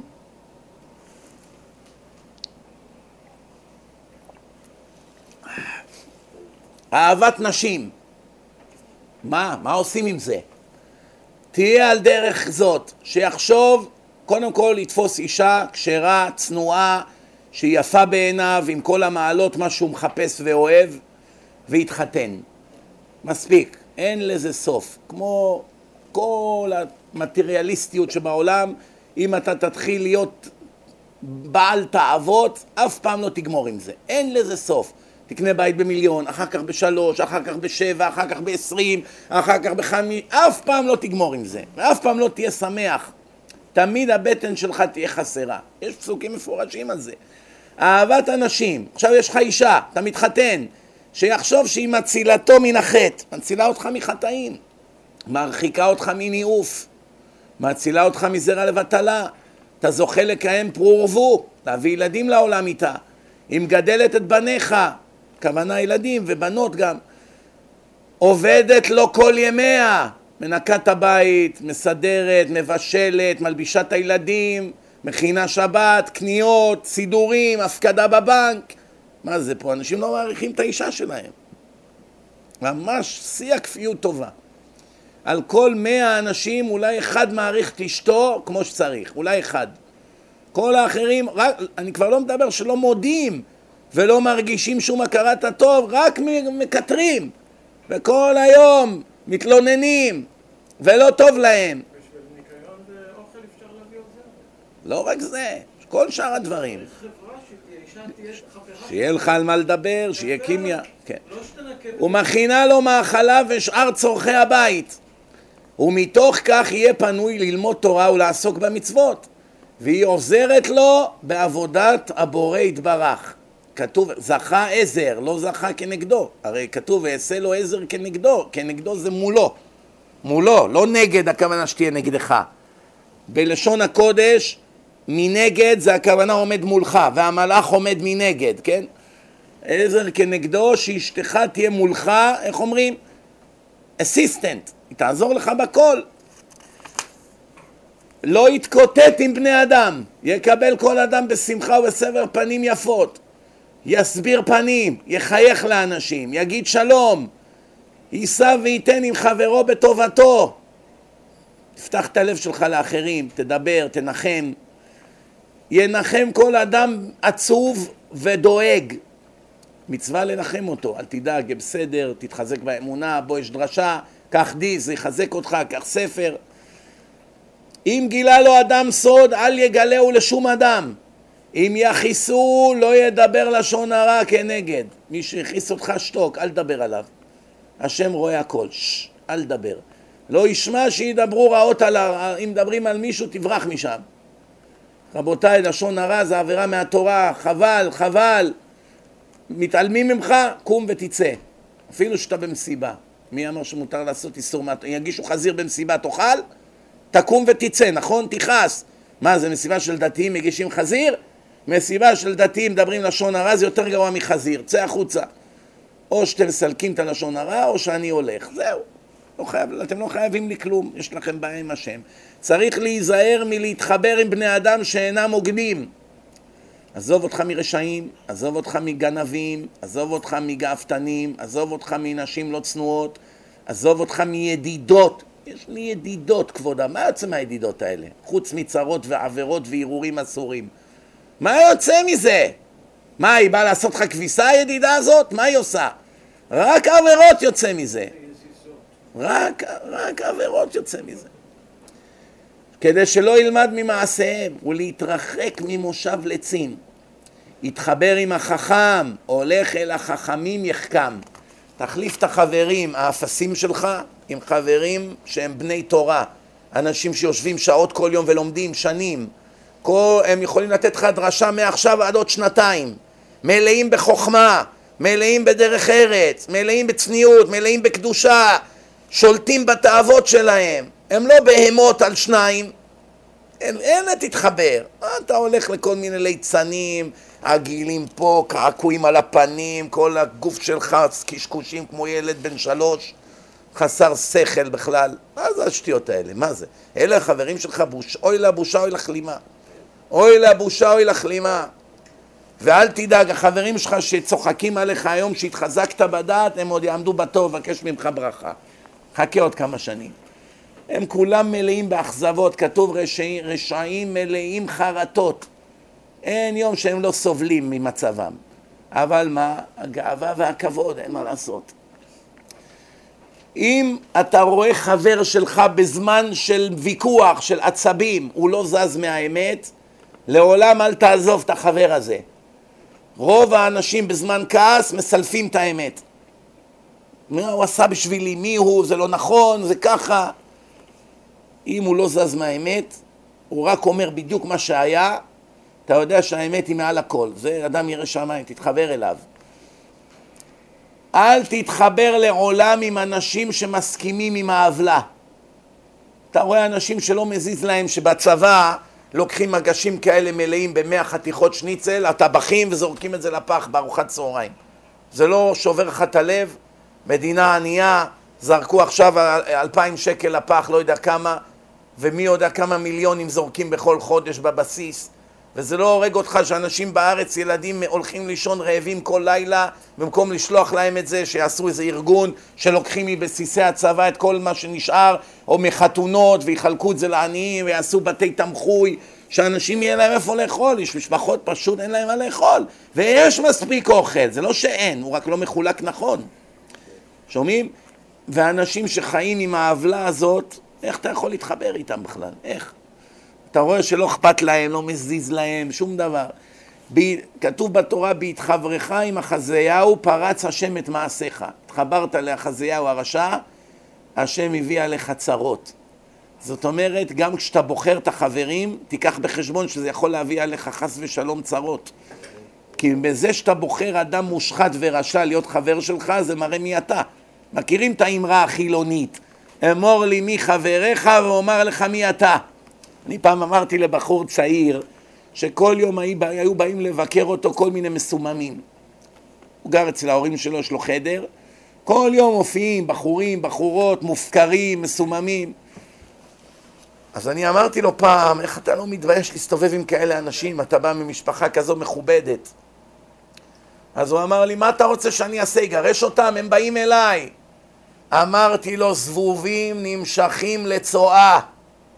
לא נמשכים, נמשכים למי שושנים או לדברים חיוביים. לצואה הם נמשכים. אם תפסיק להיות צואה בהתנהגות שלך, הם יתעבו אותך. תפסיק לגעת בסמים, תפסיק להתלבש כמו מופקר אחד מהרחובות, לא רוצה להגיד לכם מאיפה. תפסיק עם השטויות, תפסיק עם הדפים האלה באינטרנט שאתה שם. תראה שהם לבד לא ירצו להיות איתך. אין להם כבר יהיה מה להיות איתך. יבואו יראו אותך קורא תהילים, או לומד איזה דף גמרא, או קורא איזה ספר, או שומע דרשה של איזה רב. יגידו, מה, מה, התחרפנת, השתגעת? יום, יומיים, שלוש, יבעטו בך, אין להם בך יותר תועלת. תנצל מהם. מה אתה מספר לי סיפורים, הם לא עוזבים אותי וזה. הבנתם? מי שאתה זה מה שאתה מושך. מה אתה מתפלא בכלל, כן? אני אמרתי לעוד בחור, אמרתי לו, אתה חייב לחזור בתשובה, לא, אפילו לא בשביל האמת. אומר לי, מה זאת אומרת? אמרתי לו, היום צריכים לחזור בתשובה בלי קשר אם אתה משוכנע באמת או לא. אומר לי, למה? אמרתי לו, כי עם איזה בחורה תתחתן? תחשוב רגע, בחורה מהבר, מהדיסקוטק, שלוקחת קצת סמים ומתפשטת ורוקדת על הבר, ויש לה חמשת אלפים חברים בפייסבוק, זאת אתה רוצה שתהיה אימא של הילדים שלך? או שאתה רוצה איזה בעלת תשובה שהיא במדרשייה, מתלבשת צנוע, מדברת בעדינות, לומדת כל יום, משכילה, נהייתה כבר אה, בחורה קלאסית ואצילית. היא תתחתן, היא תשים כובע יפה, תתלבש כמו ליידי אצילית. מי אתה רוצה? אישה כזאת שתהיה איתך ותשב איתך כל לילה לאכול ארוחת ערב ושולחן שבת והיא תהיה אימא טובה והיא תקרא תהילים והיא תלמד תורה והיא תתפלל בדמעות את זאת אתה רוצה או שאתה רוצה את ההיא? עזוב עכשיו דת אני אומר לו אם אתה תישאר איך שאתה איזה בחורה דתייה תרצה אותך בכלל אתם יודעים כמה חילונים אמרו לי אני אתחתן רק עם דתייה אני אומר לו בחלומות הלילה למה? איזה דתייה נורמלית תרצה אחד כמוך? איזה? פגישה של חמש דקות היא תבעט בך ובשטחן. איך סידרתם לי כזה פלגמט? אני פעם הכרתי בן של אחד המיליארדרים. ביקש ממני המיליארדר הזה, אחד היהודים העשירים בעולם, הוא ביקש ממני לסדר שידוך לבן שלו. אמרתי, תשלח את הבן שלך אליי, שאני אכיר אותו, ידבר איתו, שאני אדע מה מתאים לו. שלח אותו באמת אליי. בא אליי הביתה, דיברנו איזה שעה. הוא הסביר לי מה הוא מחפש. טוב, שאלתי אותו איזה ישיבות למדת, נתן לי את הישיבות הכי טובות. ישיבה זאת, ישיבה זאת. אמרתי, טוב, יש פה חומר טוב. לא מכיר אותו. טוב. מה אתה עושה? עובד במחלקת הנדל"ן. אבא שלו יש לו הרבה עסקים, עובד בנדל"ן. טוב, פרויקטים גדולים וזה.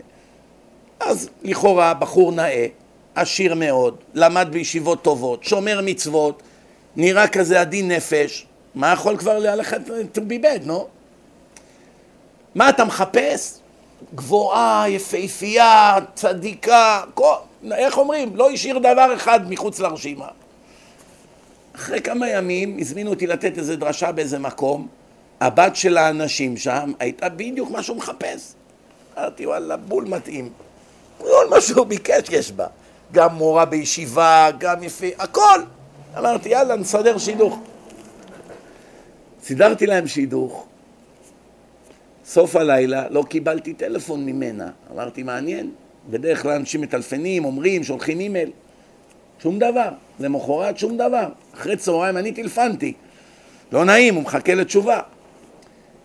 איזה מבול היא שטפה אותי. קיבלתי ממנה מוסר לכל החיים, עשרים שנה עבר מאז.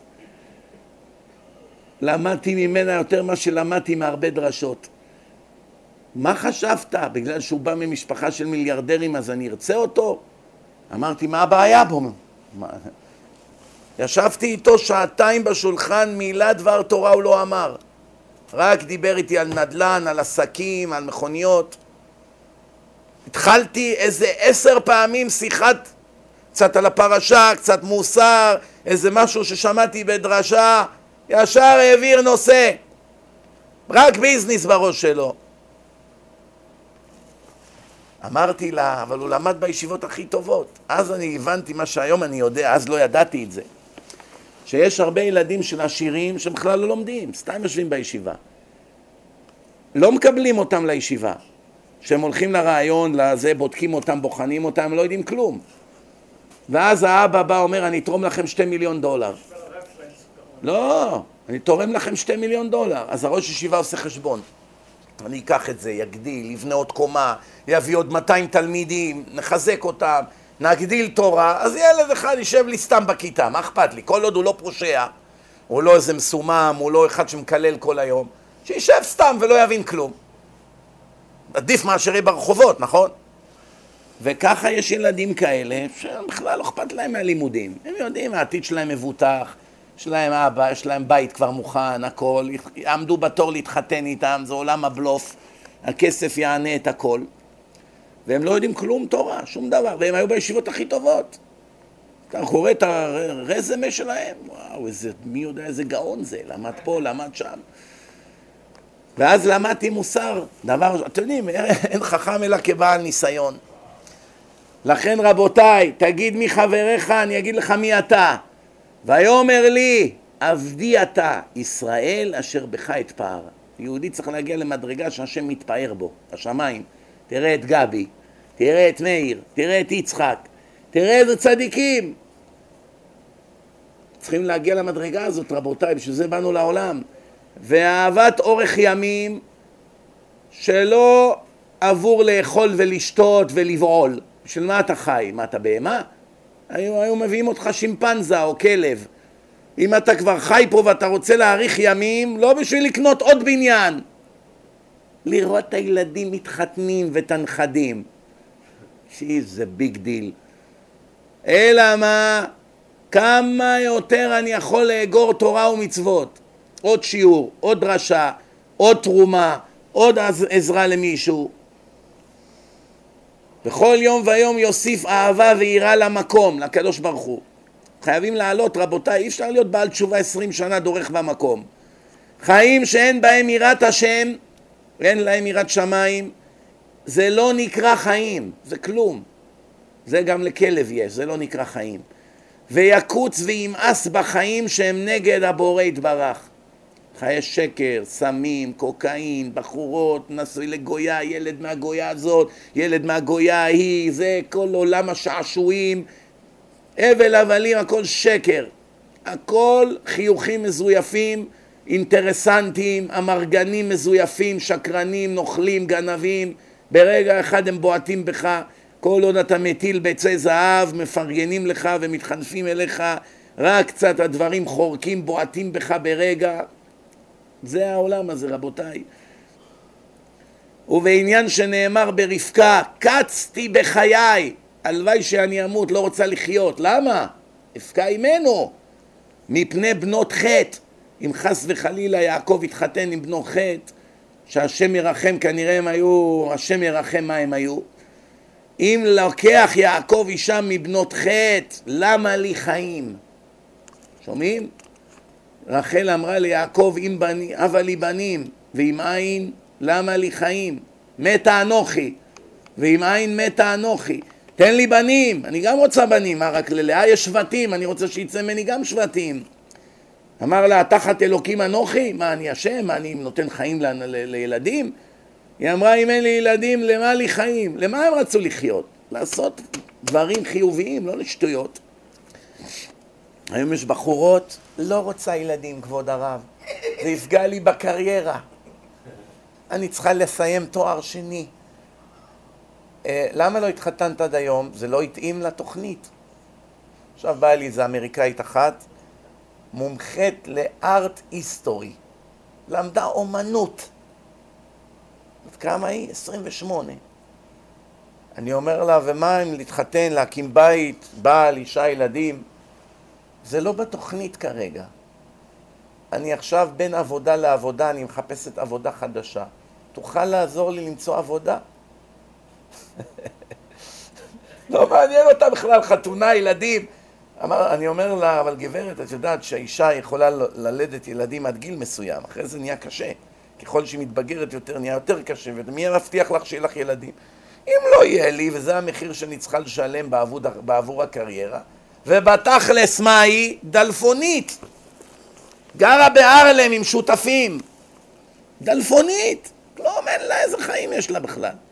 אמרתי לה, תגידי, עם התואר הזה שלך, איזה עבודה כבר את יכולה לקבל? מקסימום איזה מורה בבית ספר לאומנות. זה לא שעכשיו יהיה לך איזה קריירה, אני יודעת, איזה, איזה רואת חשבון או איזה עורכת דין גדולה. מה כבר יצא לך מזה? מה ענתה לי? החלום שלי להיות שמאית של אומנות בשביל חברות ביטוח. בזה דווקא מרוויחים די נחמד. אבל זה מאוד קשה להתקבל. על חלום של אחד לאלף שהיא תתקבל לאיזה חברה גדולה, שהיא תוכל לבוא לבתים ולהעריך אומנות. אתם ראיתם את התמונה שפרסמו לפני שבוע? עשיתי על זה הרצאה שלמה, תסתכלו על זה באנגלית. תמונה של ריבוע שחור ריק, 60 מיליון דולר. תחשבו רגע, אתם רואים פה תמונה, הנה על הקיר תמונה? תדמיינו עכשיו רקע, רקע לבן, ובאמצע ריבוע שחור. זהו. אתה יכול להגיד לי שתי תמונות כאלה? זה התמונה, 60 מיליון דולר. עכשיו רגע, אני והנהג בדרך, הראיתי לו את התמונה, שנינו צוחקים, ואז אני רואה שאנשים ככה עומדים במוזיאון ומסתכלים בתמונה, והם כתוב שם שאנשים בואים בתמונה שעה, שעה. לראות? וכולם מתביישים להגיד שהם לא מבינים. זה כמו בבגדי המלך אה, העירום, המלך הוא עירום. רגע, רגע, אבל חכה רגע. אז אני והנהג התווכחנו, תגידו לי מה דעתכם. מי יותר מטומטם? אחד שמוכן לשלם 60 מיליון דולר על התמונה המצחיקה הזאת, או אחד שעומד שעה במוזיאון ומסתכל על הריבוע השחור? מי יותר מטומטם, תגידו? זה שמסתכל. כי זה שקונה, הוא קונה את זה בשביל השקעה, לא בשביל שהוא מבין? זה מה, שאמר, זה מה שאמרנו, בסוף הגענו למסקנה הזאת, שבסופו של דבר, עם כל הטמטום שיש בתמונות המוזרות האלה, בסופו של דבר אתה קונה את זה בגלל שאתה יודע שיש מספיק מטומטמים שישלמו יותר. זה הסיבה, כמו, ש- כמו שספרא קנתה פסל ב-103 מיליון, ואם היית רואה אותו בפח אשפה פה בקווינס בוליברד, לא היית מרים אותו בכלל. זה ביזנס לכל דבר. אם היית רואה איך הוא נראה הפסל הזה, כמו פלסטלינה כזה, הדביקו כל מיני חתיכות, ברחוב לא היית מרים אותו. אני חושב שאיזה ילד בתיכון משועמם בנה את זה מחמר והתייאש וזרק את זה לפח, לא היית מרים את זה בכלל. שומעים? זה ביזנס דבר. נכון. יש בעולם הזה הרבה ביזנסים שמבוססים על תרבות השקר. כשאני הייתי ילד, אבא שלי היה מלטש יהלומים. אז הוא היה, הוא היה בא הביתה, מביא מעטפות כאלה עם יהלומים. כי הוא רוצה להראות לאיזה דוד שרוצה לקנות. לפעמים הוא היה מביא והיינו מסתכלים, ואני בתור ילד רואה זכוכיות מבריקות. אז אבא שלי היה אומר לי תמיד משפט מעניין. היה אומר לי, אתה רואה?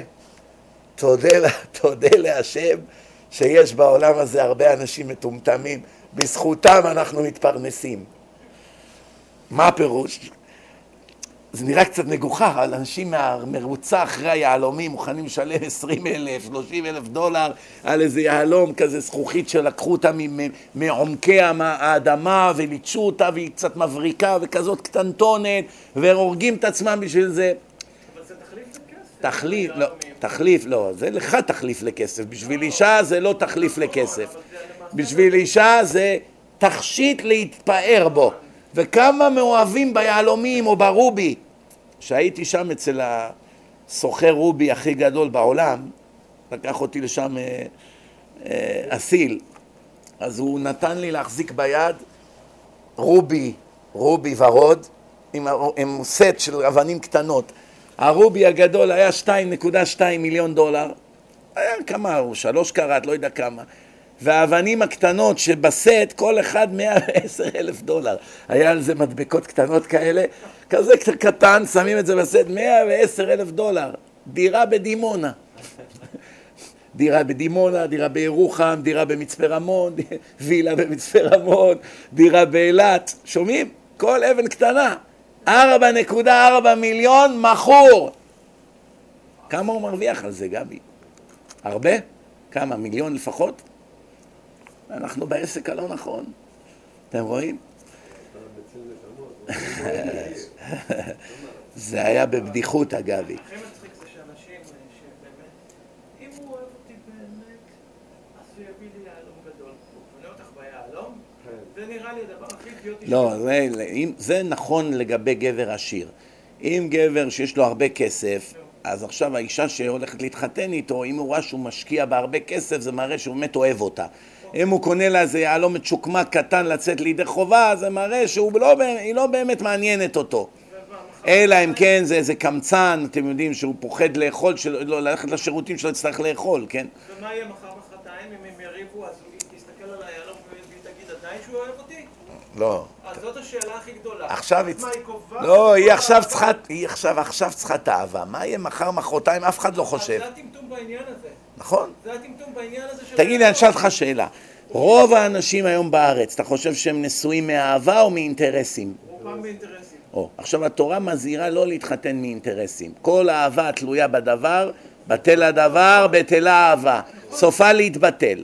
כיוון שרוב האנשים נשואים או בשביל כסף, או מעמד, או מתוך אה, בדידות, או מתוך ייאוש, או מלחץ משפחתי, או מלחץ חברתי, או מתאוות מין, או כל מיני דברים שגורמים לאנשים להתחתן, מתעלמים מזה שהיא לא צנועה, והיא לא ישרה, והיא אינטרסנטית, ואין לה אמונה, ואין לה יראת שמיים, והיא עצלנית, ו... מתעלמים מהכל כי היא הכי יפה ואפשר להשוויץ לחבר'ה, כל מיני טיפשים למיניהם. ואחרי חודש, חודשיים, החיים קצת משתנים והם נתקעים עכשיו בחושך גדול. למה לא תשאל את השאלה הכי גדולה? כמה זוגות לא מתגרשים בכ- בגלל שהם לא יכולים לאפורד את זה להתגרש, נכון, גם זה נכון, נכון? גם זה נכון. וזאת אומרת, אם אתה רוצה להאריך ימים, רבותיי, כדי להיות צדיק ולעשות חסדים ומצוות, אם לא, בשביל מה לחיות פה בכלל? בשביל מה? לעשות עוד עבירות? ותמיד יהיה ליבו נכון למסור עצמו על קידוש השם בכל המצוות, קלות כבחמורות. כי אי אפשר שיבין ויתחכם בתורה ובמצוות, והוא רעב וחולה. מצד שני, אם תהיה דלפון, הומלס, אין לך מה לאכול, איך תהיה תלמיד חכם? איך תלמד? איך תעמול בתורה? צריך מים, קצת קפה, צריך קצת לחם, קצת ירקות, לשרוד, מיטה טובה, כן? או אחד מאיבריו כואב, יש לך כאבי שיניים עכשיו, כטיפול שורש, אתה צריך אלפיים דולר לתקן, אין לך כסף, אתה לא יכול ללמוד, הפנים שלך מתנפחות. בן אדם יש לו מגבלות, הוא לא יכול ללמוד בכל תנאי, כן? בודדים היו האנשים שלמדו בתנאים נוראים, בסיביר, בשואה, במאסר נוראי, בכל מיני מחנות עבודה.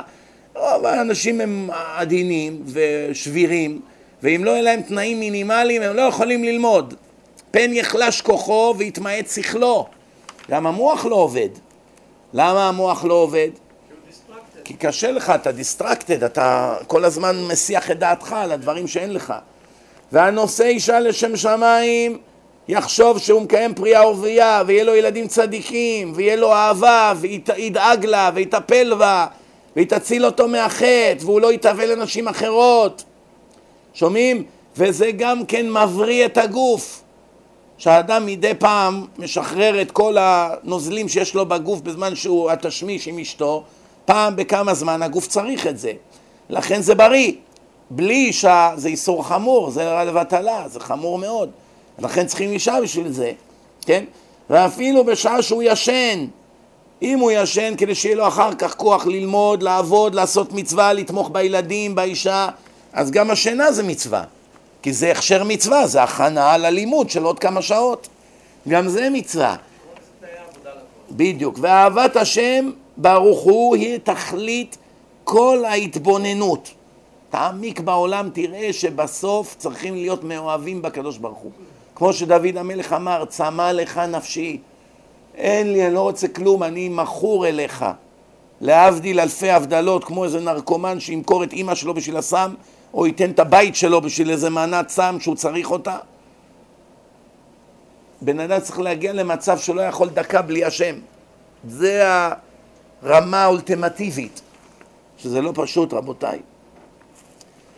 והרבה פעמים התורה מקדימה יראת אלוקים לפני אהבתו. אם ישאלו אותך מה קודם, יראה קודמת לאהבה. לעולם לא תגיע לאהבת השם מושלמת אם אין לך יראה מפניו. אין מציאות כזאת. אני היה לי, כשהייתי בטכני בחיל האוויר, היה לי מפקד, אלי דהן, ישר איך שהגעתי לבסיס נהיה בינינו קליק. התחברנו, הוא מפקד שלי. התחברנו, כמו אחים נהיינו. כל שבת היה משחרר אותי הביתה. מזרחי, סע. סע, סע לפני שאנשים ישימו לב. סע. שולח אותי הביתה. עכשיו אני מתוך הכרת הטוב הייתי חוזר יום ראשון, מביא לו אוכל, סלטים, עוגות, טפל בו, כי הוא לפעמים היה צריך להישאר בבסיס בשבת. כל כך היינו חברים שכבר היינו יושבים, מדברים, כבר הוא לא היה שולח אותי לשליחויות, כלום. יום אחד הוא נתן לי פקודה. משהו שלא מצא חן בעיניי. התרגלתי לשמנת. לקח, איך אומרים, לקחתי את זה באיזי. אמר לי, מזרחי, מהר. אמרתי, מה כבר הוא יעשה לי? מה, אנחנו חברים, איך אומרים, סחבקים. אמר לי בסוף, אכזבת אותי, כשהייתי צריך אותך, לא ביצעת את הפקודה. אפילו שלא העניש אותי, כי בכל זאת אנחנו חברים, ואתה רואה מכאן שאדם שאתה אוהב אותו, ואתה אינך ירא ממנו, אינך ירא ממנו, אפילו שהוא מפקד שלך או בוס שלך, אינך ירא ממנו, אתה מזלזל מתוך האהבה הזאת. יוצא שמי שרק אוהב את השם ולא ירא ממנו, יזלזל במצוות. יזלזל בהרבה דברים. למה אני כל כך מאוהב בהשם, מה זה חשוב עכשיו זה? אבל שיש יראת העונש, ויראת הבושה, ויראת הרוממות, ואתה ישראל מה השם אלוקיך שואל מעמך, כי אם ליראה ולאהבה אותו. שומעים? מפני שהאהבה היא תכלית הפרישות וסופה. וקרובה שבמדרגות אל מדרגות האלוקים. המדרגה הכי גבוהה זה אהבת השם. אי אפשר להגיע לשם לפני שיש לך קניין על יראה, שאתה ירא מהשם. סמר מפחדך בשרי, דוד המלך אמר. הגוף שלי כולו חידודים חידודים מפחד שאני דוד הקטן ואתה השם הגדול. בטעות אני לא אזייף במשהו, או אני לא אתרשל, או שאני אגיד דבר, דבר שהוא לא אמת. שומעים? מרוב תאוות הגוף ועידוני העולם הזה שהוא עולם שקר ושווא וזמני חושב לאסוף הון רב אין כוח בנשמה לחשוב על הבורא שמעתם? מרוב סטייקים וסושי ועוגות קצפת וטיולים ומכונית פאר ומטוס פרטי אין לו זמן בשביל השם עזוב אותך הראש שלו בעסקאות בספורט, בתענוגות אין לו זמן להשם. וכיצד היא האהבה הראויה? שיאהב את השם אהבה גדולה, עזה מאוד, עד שתהא נפשו קשורה באהבת השם, יתברך, ונמצא שוגה בה תמיד, רק עליו הוא חושב. כאילו הוא חולה אהבה, כמו אדם שהתאהב, עוד מעט הוא עומד להתארס כל יום, הראש שלו רק בארוסתו. אה, לא אכפת לו הכסף, לא אכפת לו העסקאות, פגישות, עסקים, לא מעניין אותו פתאום ספורט, כלום. על מה אתה חושב, איציק, כל היום? עוד יומיים אני מתארס, החלום שלי, חלמתי על זה כל החיים, על הרגע הזה. רק על זה, הטלפון מצלצל, הוא כמו אריה, קופץ, אולי זה היא. נכון? ואם זה לא, איזה אכזבה. ואם זה כן, איך הוא מאושר, ככה וזה, מסדר את עצמו במראה לפני שהוא מרים את הטלפון. כאילו שהיא רואה אותו. היום האמת כבר יש את כל המצלמות, אז הכל אפשרי, כן? שאין דעתו פנויה מאהבת אותה אישה. רק עליה הוא חושב. הוא עושה טעויות בחשבון, עולה בבניין לקומה לא נכונה, נכנס לכביש לא נכון, עולה על טיסה לא נכונה. מה, מה עובר עליך?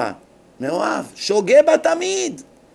בין בשבטו, בין בקומו, בין בשעה שהוא אוכל ושותה, יותר מזה תהיה אהבת השם ברוך הוא בלב אוהביו. יש אפשרות לאדם להגיע לכזו אהבה, אבל עם השם. תאר לך כזו אהבה לכל החיים.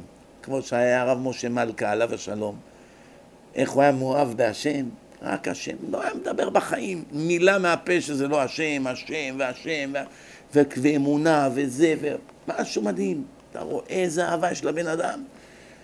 שוגים בה תמיד, כמו שמצינו בכל לבבך ובכל נפשך, והוא ששלמה המלך כתב בשיר השירים, כי חולת אהבה אני. חולה מרוב אהבה. וכל השיר השירים זה משל לאהבה של השם עם עם ישראל, כן? כידוע. וממש עוד משפט אחרון וסיימנו. איך מגיעים לכזו אהבה? איך? הנה אני אקרא לכם קצת והדרך להשיג בה אהבת השם הוא בשעה שהתבונן האדם במעשיו, זה הרמב"ם אומר, ובברואיו הנפלאים. רואה את העולם, מעיין בו, מתבונן, איזה עולם, איזה השגחה, איזה יופי. ויראה מהם חוכמתו שאין לה ערך ולא קץ.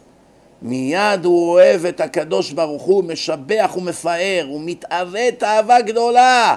לידע את השם הגדול, כמו שכתב דוד בתהילים מ"ב, פסוק ג', צמאה נפשי לאלוהים לאל חי, צמאון, לא יכול לנשום בלי השם.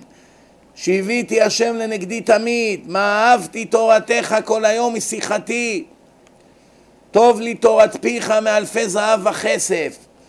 וכשמחשב בדברים האלה, הכוונה הוא חושב ועושה חשבונות, מיד הוא נרתע לאחור ויירא ויפחד, רועד, וידע שהוא בריאה קטנה ושפלה ואפלה, עומדת בדעת קלה לפני תמים הדעות. אני עומד לפני השם, תפילת שמונה עשרה, שם שפתיי תפתח ופי יגיד תהילתך. כמו שאמר דוד, כי אראה שמך מעשה אצבעותיך, אני רק מסתכל על הגלקסיות, על הכוכבים, כולי רועד. אדוני אדוננו מאדיר שמך בכל הארץ. מה אנוש כי תזכרנו? מה זה בן אדם שאתה בכלל שם אליו לב, אתה בכלל זוכר מה זה בן אדם? כמו יתוש עלוב, מה זה בן אדם, מה זה יתוש? מה זה כבש? ותראה כמה השם חושב ואכפת לו מעם ישראל מכל יהודי. במקום אחר בספר איוב א' א' כתוב ירא אלוקים והגמרא בהערה שמתיירא מעונשי שמיים ומהגיהנום ומהעונשים בעולם הזה זו לא מידה הכי מעולה שיש, לפחד רק מהעונשים, אבל הלוואי שלפחות את זה יהיה לנו. אם אדם יפחד מהעונשים אז הוא לא יעשה עבירות, אז מה עדיף, שלא יפחד ויעשה עבירות? אבל ירא השם הוא כמו שאוהב את אשתו, שאתה אוהב את, אש, את אשתך והיא מאוד מאוד חשובה בעיניך, מי שיפגע בה הוא גמור אצלך. ואם אתה בטעות תפגע בה אתה לא יושן בלילה, ואם לא כיבדת אותה מספיק, ואם בכתה בגללך, או כל דבר אחר, אתה חושש פחד מוות פן תאבד את אהבתה. רשפיה רשפהש, שלהבת יה, אהבת הבורא התעלה. והוא ירא לעבור עבירות לא בגלל שהוא יפחד מהעונש, שאולי האהבה ביני לבין השם תדעך. כמו שאדם פוחד לפגוע בחברה שלו שעומד להתחתן איתה, כל כך מתחשב, פותח לה את הדלת, אם בטעות הוא אמר איזה מילה והיא נפגעה, הוא בא, מבקש מחילה. שומעים? גילו ברעדה. מצד אחד צריכים כל הזמן לשמוח, מצד שני כל הזמן לרעוד שאני עומד מול השם, לא להיות ליצן. כמו כל הפוליטיקאים וכל האנשי בוהמה. לא סתם קוראים לזה בוהמה, כמו בהמה, כן? מרוב פחד הבורא, שומעים? תגילו לעשות חפצו, רץ לעשות את עבודת השם, יראת השם היא אוצרו ואין האהבה הזאת מתקיימת אלא במי שנותן דעתו לקיים את כל המצוות כהלכתם אף פעם לא תהיה אוהב השם אם אתה לא מקפיד במצוות. ברכת המזון בכוונה, ברכות על כל מה שאתה אוכל כמו שצריך. תפילה זה תפילה, תפילין זה תפילין, טלית זה טלית, צדקה זה צדקה, לימוד זה לימוד. שמירת הלשון, שמירת העיניים, שמירת האוזניים. בלי זה אי אפשר להידבק בהשם. זה כמו, חמ... זה כמו של מצה ששמו בה חמץ. הרסת את כל העיסה, איליה וקוץ בה. לכן יאהב כל אשר יביאהו לאהבת הבורא. ואי אפשר רבותיי, ובזה סיימנו, אי אפשר להתאהב בהשם ולהתנקות ולהתנתק מהטומאה ללא עמל התורה, אי אפשר. אם אתה לא כל היום שומע דרשות ולומד, זה גמרא, אם זה חומש, אם זה מוסר, אם זה פרשת השבוע, מחכים ולומד ולומד עד שזה הורג את היצר הרע שלך. ואתה יוצא מאפלה לאורה גדולה, ואתה נהיה משוחרר ואין לך דאגות, ואתה לא דואג על הכסף, ולא דואג על השידוכים, ולא דואג על כלום. אתה רק באור. מכירים את הצדיקים האמריקאים האלה שנסעו לארץ, עזבו כאן את חיי העושר, ההורים שלהם מיליארדרים, הלכו לישיבה בארץ, נתנתקו מן העולם, לא מעניין אותם אינטרנט, שום דבר, כל היום שקועים בתורה, יושבים, גרים בחיים פשוטים. מה, מה היה חסר להם? הכל על מגש היה להם פה. לא היה להם עושר. היום הם באורות, אורות אדירים. יש בר מצווה, חתונה פה של זה, הם לא רוצים לבוא בכלל. פוחדים איזה ירידת רוחנית תהיה לי. אם זה בשדה תעופה, אם זה במטוס, אם זה פה, ואם זה עם המשפחה, ועם כל הליצנים וכל הנשים הלא צנועות. עכשיו אני אלך לשבוע, שבועיים, זה יוריד אותי בכל הרוחניות. יש כאלה בחורים כותבים לי מכתבים. האם זה חוסר כיבוד הורים לא לבוא לאמריקה לפסח? ההורים מתעקשים ואני מעדיף להתארח פה אצל הרב בישיבה ולהישאר פה בישיבה ללמוד. האם זה חוסר כיבוד הורים או לא? שאלות קשות. למה אתה לא רוצה לבוא? גם פה יש תורה, לא כמו פה בירושלים. פה אני מתעלה כל רגע, אני בעולם של עושר. אני אחזור עכשיו ניו יורק, זה וילה, בריכה, חברים, ליצנים, זה... לא בשבילי זה. ברחתי מהעולם הזה.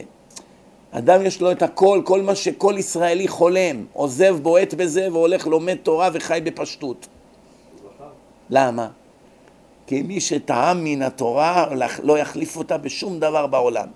על זה נאמר תאמורו כי טוב השם. ברוך אדוני לעולם, אמן ואמן.